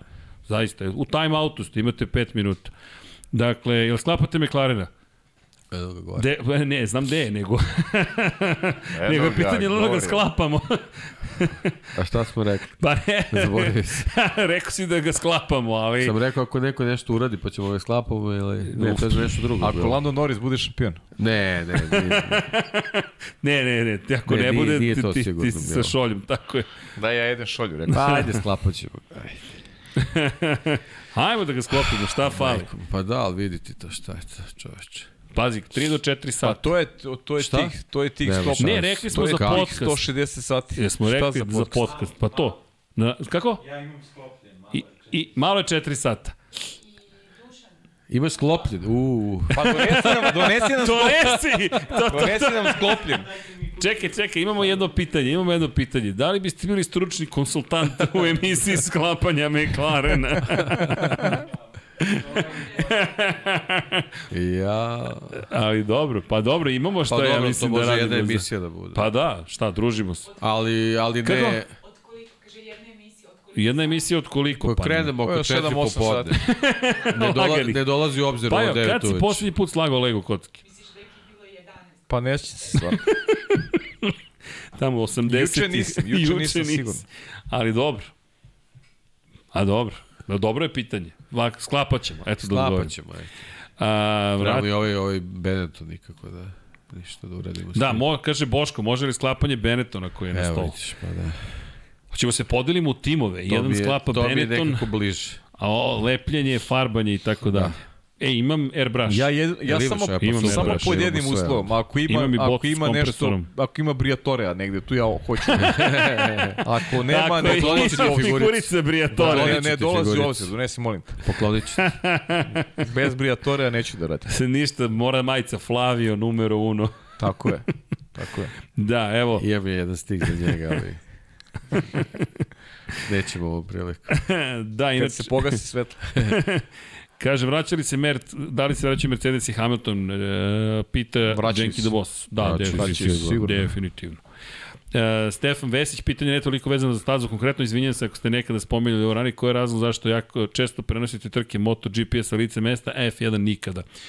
Pa razlog Jednostavni je- su razlozi. Jednostavni su razlozi. A, da, mi smo peti, šesti u šampionatu konstruktora. Kada budemo treći, ili ti budžet, budžet, budžet. Šalu na stranu, ali ima jedno je splet, splet okolnosti, drugo jeste pre svega budžet. Na ali, buđe, zato, zatvoreni. Tako je, tako je. Inače sa Moto Grand Prix smo prvo potpisali ugovor, pa smo krenuli da idemo na trke, čak i pre nego što je, to je Formula 1 stigla kad smo već imali neke planove, pa smo mi to gurali, išli i onda se vremenom uh, promenio i sam ugovor koji je tako strukturiran bio da je Dorna, pošto smo ajde, ostvari neki bliski kontakt, dala i neki popust i tako dalje i onda nam je bilo jednostavnije.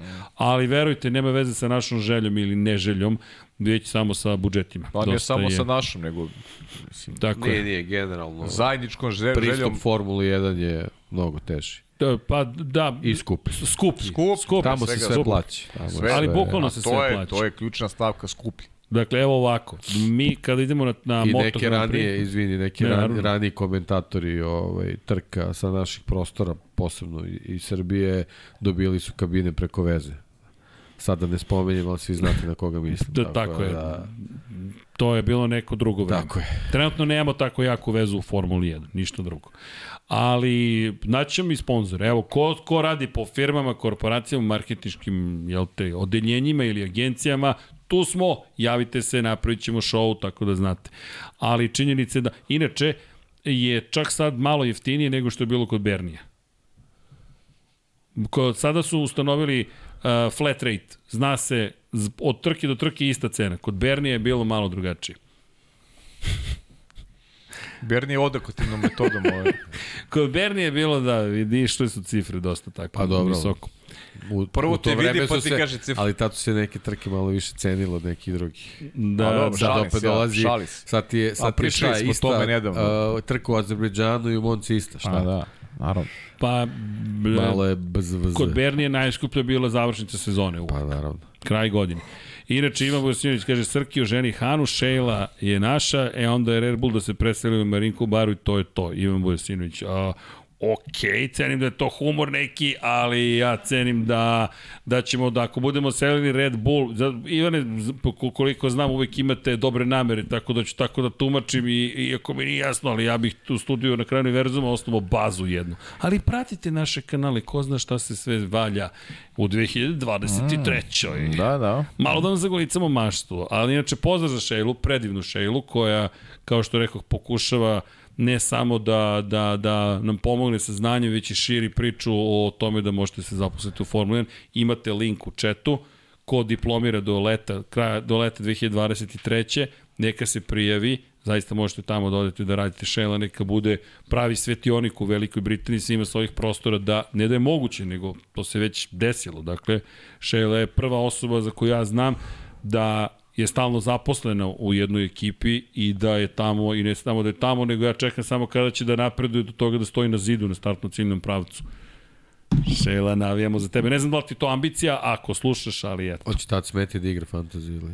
E, to je sad pitanje Ne znam ugovora. su pravila. Šta piše u ugovoru? Aj, ne znam pravila kakva su. A da, da li može član tima da... Pa ne Pa znam. imamo, Bićeš de, kažnjen možda što je Shell. u- imamo devet stavki, Nek pa vidjet kazne. Imamo devet Spreman stavki u sam. pravilniku, to je A4,3 pravilnik. Ima tu devet stavki, to ćemo da vidimo. Ovaj. Pa ćemo da vidimo, arbitražno. To ćemo koleginica iz proda ja da rešimo. Da Resetovo mi da se chat. protumačimo pravilnik. E, resetova mi se chat. E, Vladan Ličina, jedna koncentracija i dalje, ali sviđa mi se ovo tvoje. Postaviš pravilnik tako da na kraju piše, ali mi imamo pravo, jel te, Pa čekaj, takav je pravilnik i Formula 1. da, pa, pa jeste, uvek je otvoreno tumačenje. Siva zona, uvek ima siva zona. Vladan kaže jedna konstatacija i dalje je previše zakrlca i prljavog vazduha da bi bilo lakše praćenje. Na primjer, pogledajte na Mercedesu koliko im je zakrlca na delu koji strči van bolida kod retrovizora. Suštinski nisu ništa promenili osim što su uveli efekt tla. I tu se desila promjena najveća, ali ako vi pogledate, Pa i E. prednje krilo je jednostavnije.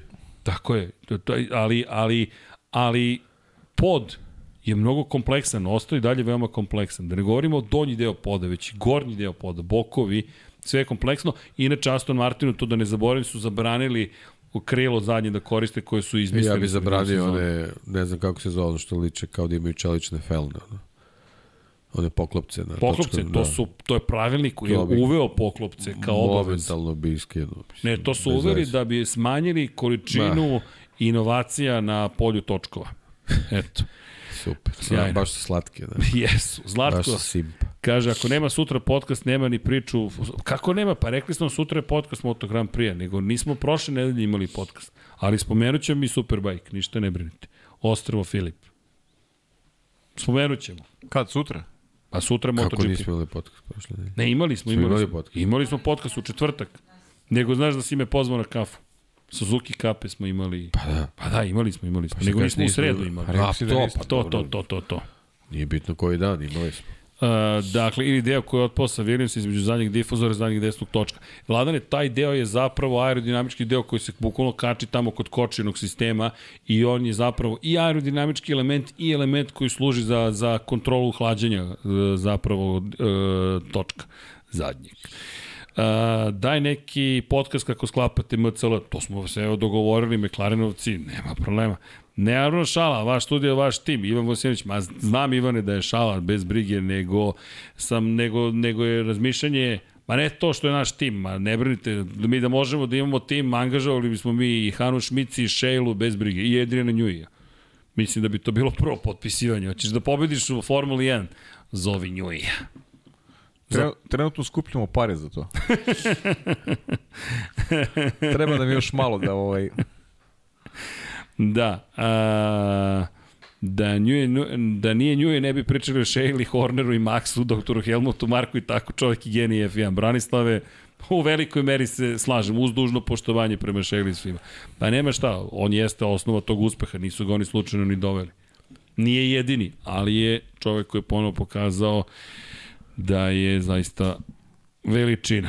Um, pa malo pre ste pomenuli Aston Martin Peto, njima više, znači su sedmi, imaju više vremena za aerotestove.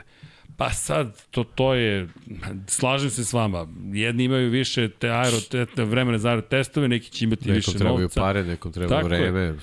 Čujte, nije da Astonu Martinu baš cvetaju ruže. Aston Martin i generalno Lorenz Stroll je ozbiljnu reputaciju svoju stavio u, u, u, u igru kada je rekao da će da stvori Aston Martina ne samo tim Formula 1, tim Formula 1 je prema njegovim rečima marketinški zapravo projekat koji treba Aston Martin da vrati u vrh kada je reč o, o sportskim automobilima.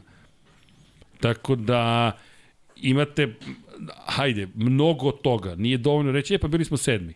Ne, ne, ti moraš da budeš sada pobednik u Formuli 1, jer ti si to obećao nekom upravnom odboru i nekim investitorima koji će sutra doći i pitati te, pa dobro, šta se zbiva s našom investicijom.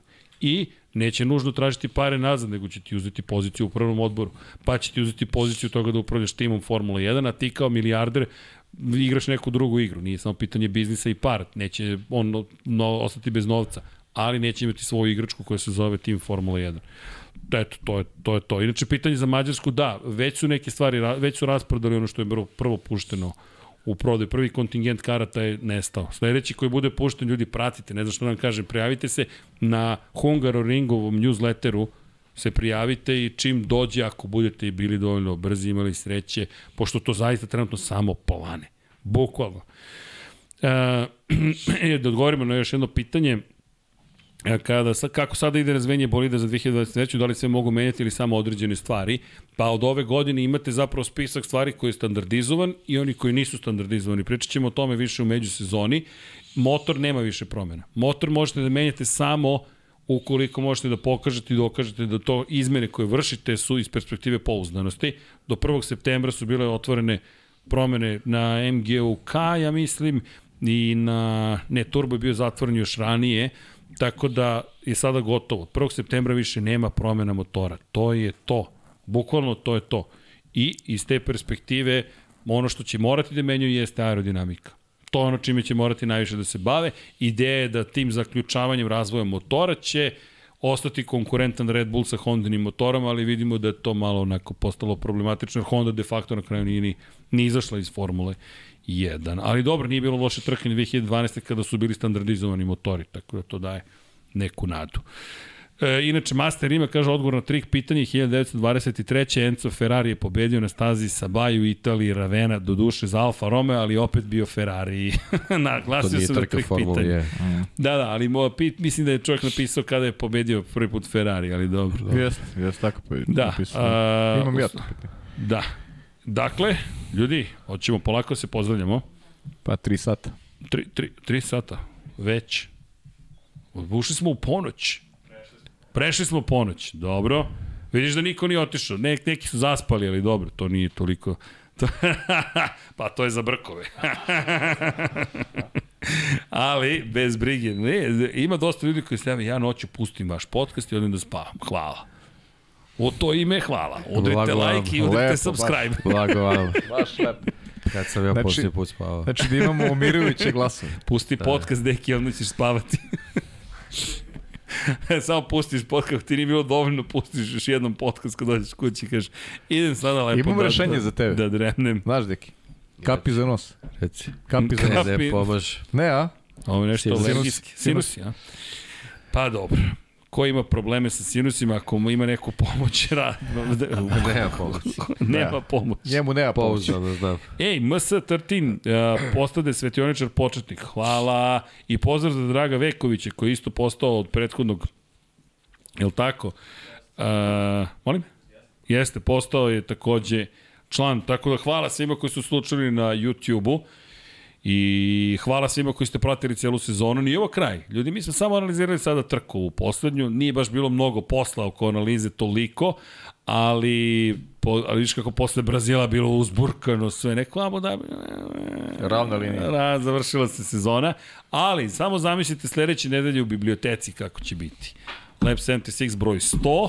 Dakle, zagrejana atmosfera, od 21.00 pa ja stiže oko 22 časa. A, malo ranije. Taman. Malo ranije. Tak, malo, malo, malo ranije, tako da znate, ali bit ćemo biti tu, bit ćete, nadam se i vi. Fizički dođite, tap room, dogma, pivnica, kod Ade Ciganlije, postavit ćemo i na društvene mreže, postavit ćemo i na kanal, postavit ćemo gde god možemo informaciju i newsletter ćemo poslati, pa vas čekamo tamo da se malo družimo. Vanja, hoćemo muziku za, da se pozdravimo polako ali sigurno. Pa evo, inače, da li da sačuvam tvoje fotografije na mom računaru? Kaže, da li želite da importujete fotografije sa Mislim, telefona? mislim da ti ne treba. Vanja, otvori biblioteku. pa Živković. Brzinski sam rešio. Brzinski se ne, ne, nema punjenja telefona. I stalno me pita, hoćete da importujete? Neću da importujem. Sad i, sad, sad i da hoćeš. I u to ime udrite like, naravno budite dobri pre svega jedni prema drugima, mazite se i pazite se i vodite računa i vozite računa jedni u drugima, želimo vam naravno lepo veče.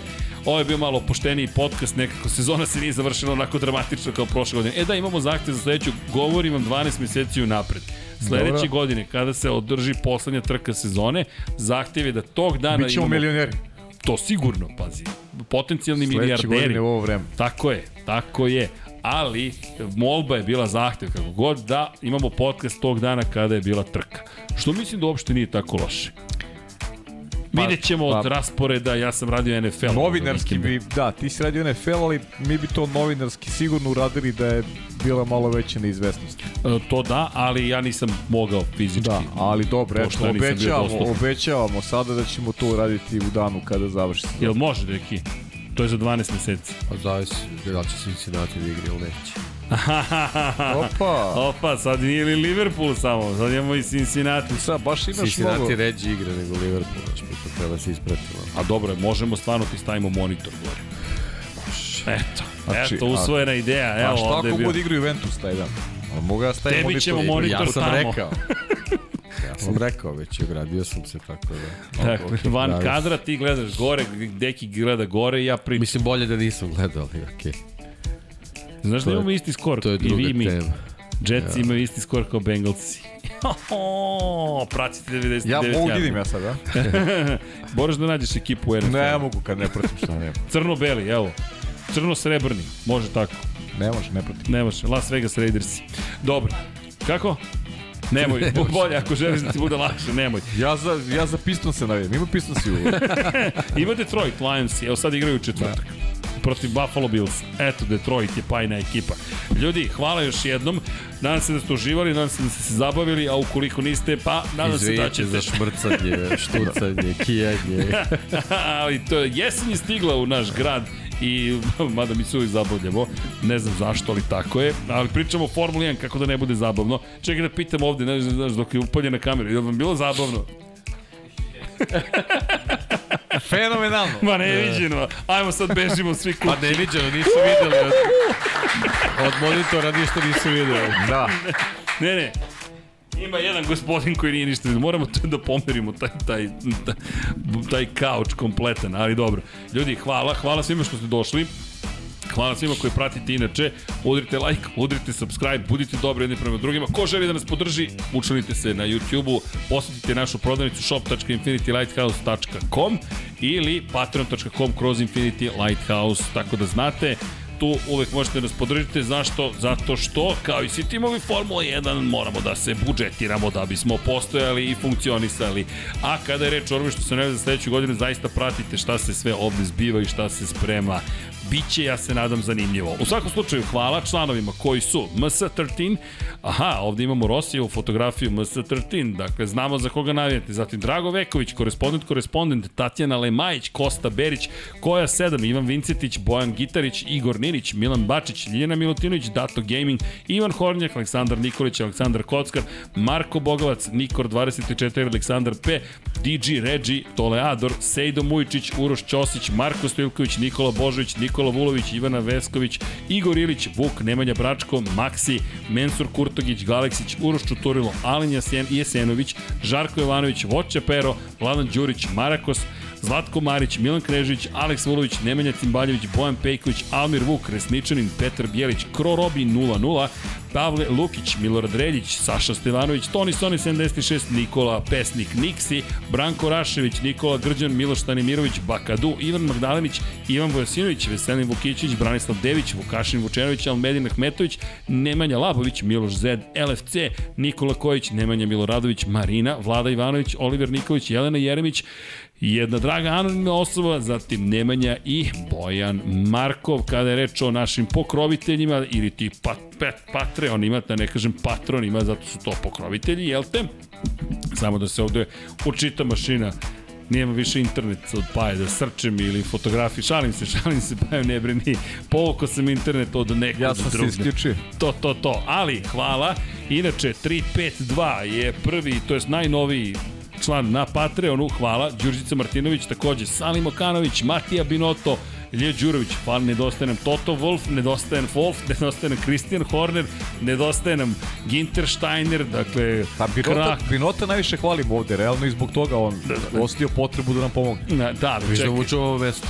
Ne, ali vidi, da. da. ako Binoto daje ovoliko, Wolf mora još više. Dakle, molim vas, Wolf je Ja ga milijarde. nismo nešto mnogo dispominjali. Ove da, godine da, ne. to je zanimljivo. Toto Moramo Wolf da da ga je dobro. Pa Ginter Steiner mora da se pojavi, pazi, njega smo vala spominjali onoliko. Je mora da počnemo da merimo koliko šefova timova spominjemo tokom jednog podcasta. Pa prebaci procent. Pa to Pa ti kažem, pred pa oči.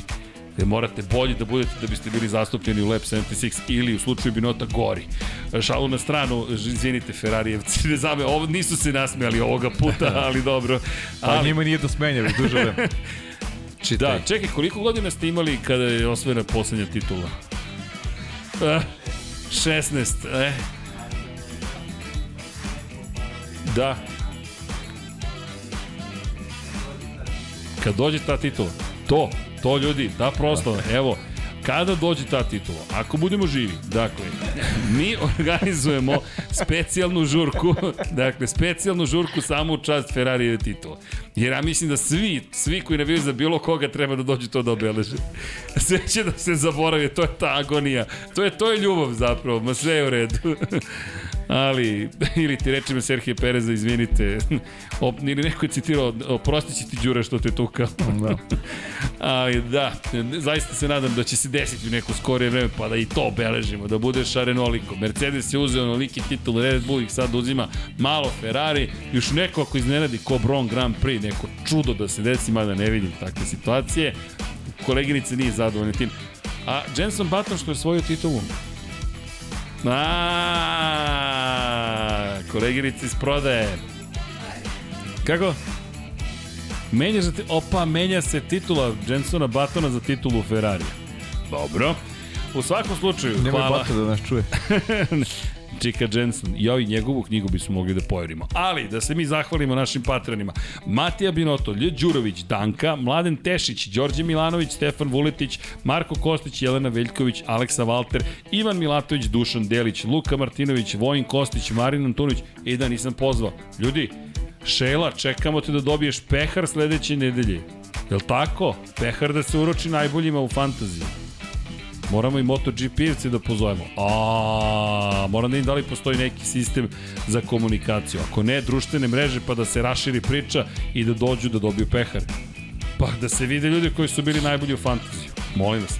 Elem, da se vratimo. Luka Martinović, Dušan Delić, Vojin Kostić, Marin Antunović, Aleksa Lilić, Sead, Dorijan Kablar, Matej Sopta, Igor Jankovski, Nikola Milosavljević, Marko Kozić, Šmele, Marko Petrekanović, Srđan Sivić, Milan Apro, Branimir Rijevec, Nemanja, Jasmina Pešić, Matija Rajić, Zoran Cimeša, Danijela Ilić, Đole žena mi zna, Andreja Miladinović, Borislav Ivanović, Miloš Stavljević, LFC, Crnogorski džedaj, Grgo Živaljić, Vlada Ivanović, Jugoslav Krasnić, Andreja Branković, Nebojša Živanović, Ivan Rečić, Andrej Bicok, Veselin Bukićević, Dimitrije Mišić, Ivan Ciger, Safet Isljami, Ivan Panajotović, Boris Herceg, Džigi Bao, Branislav Kovačić, Depressed Cody, Garbran Fan, Aleksandar Jurić, Vladimir Filipović, Vladimir Petković, Đorđe Đukić, Pavle Nija, Miloš Todorov, Emir Mešić, Andrija Todorović, Ertan Prelić, Alin Stojčić, Bojan Markov, Bahter Abdurmanov, Darko Trajković, Dejan Đokić, Ferenc Laslov i Branko Bisački, Žarko Milić, Aleksandar Milosavljević, Igor Gašparević, Vukašin Jekić, Branislav Marković, Igor Vučković, Aca Vizla, Dejan Vujović, Nemanja Zagorac, Aleksandar Antonović, Novak Tomić,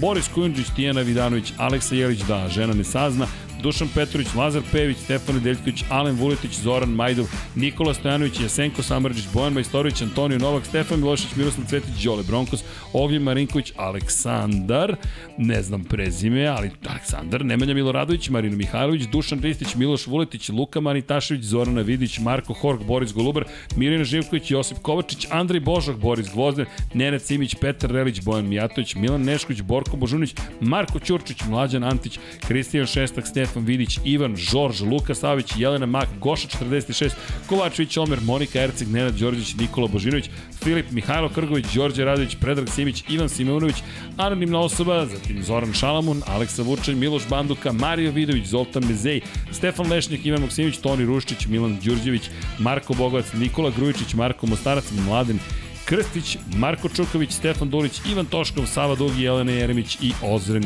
Prpić.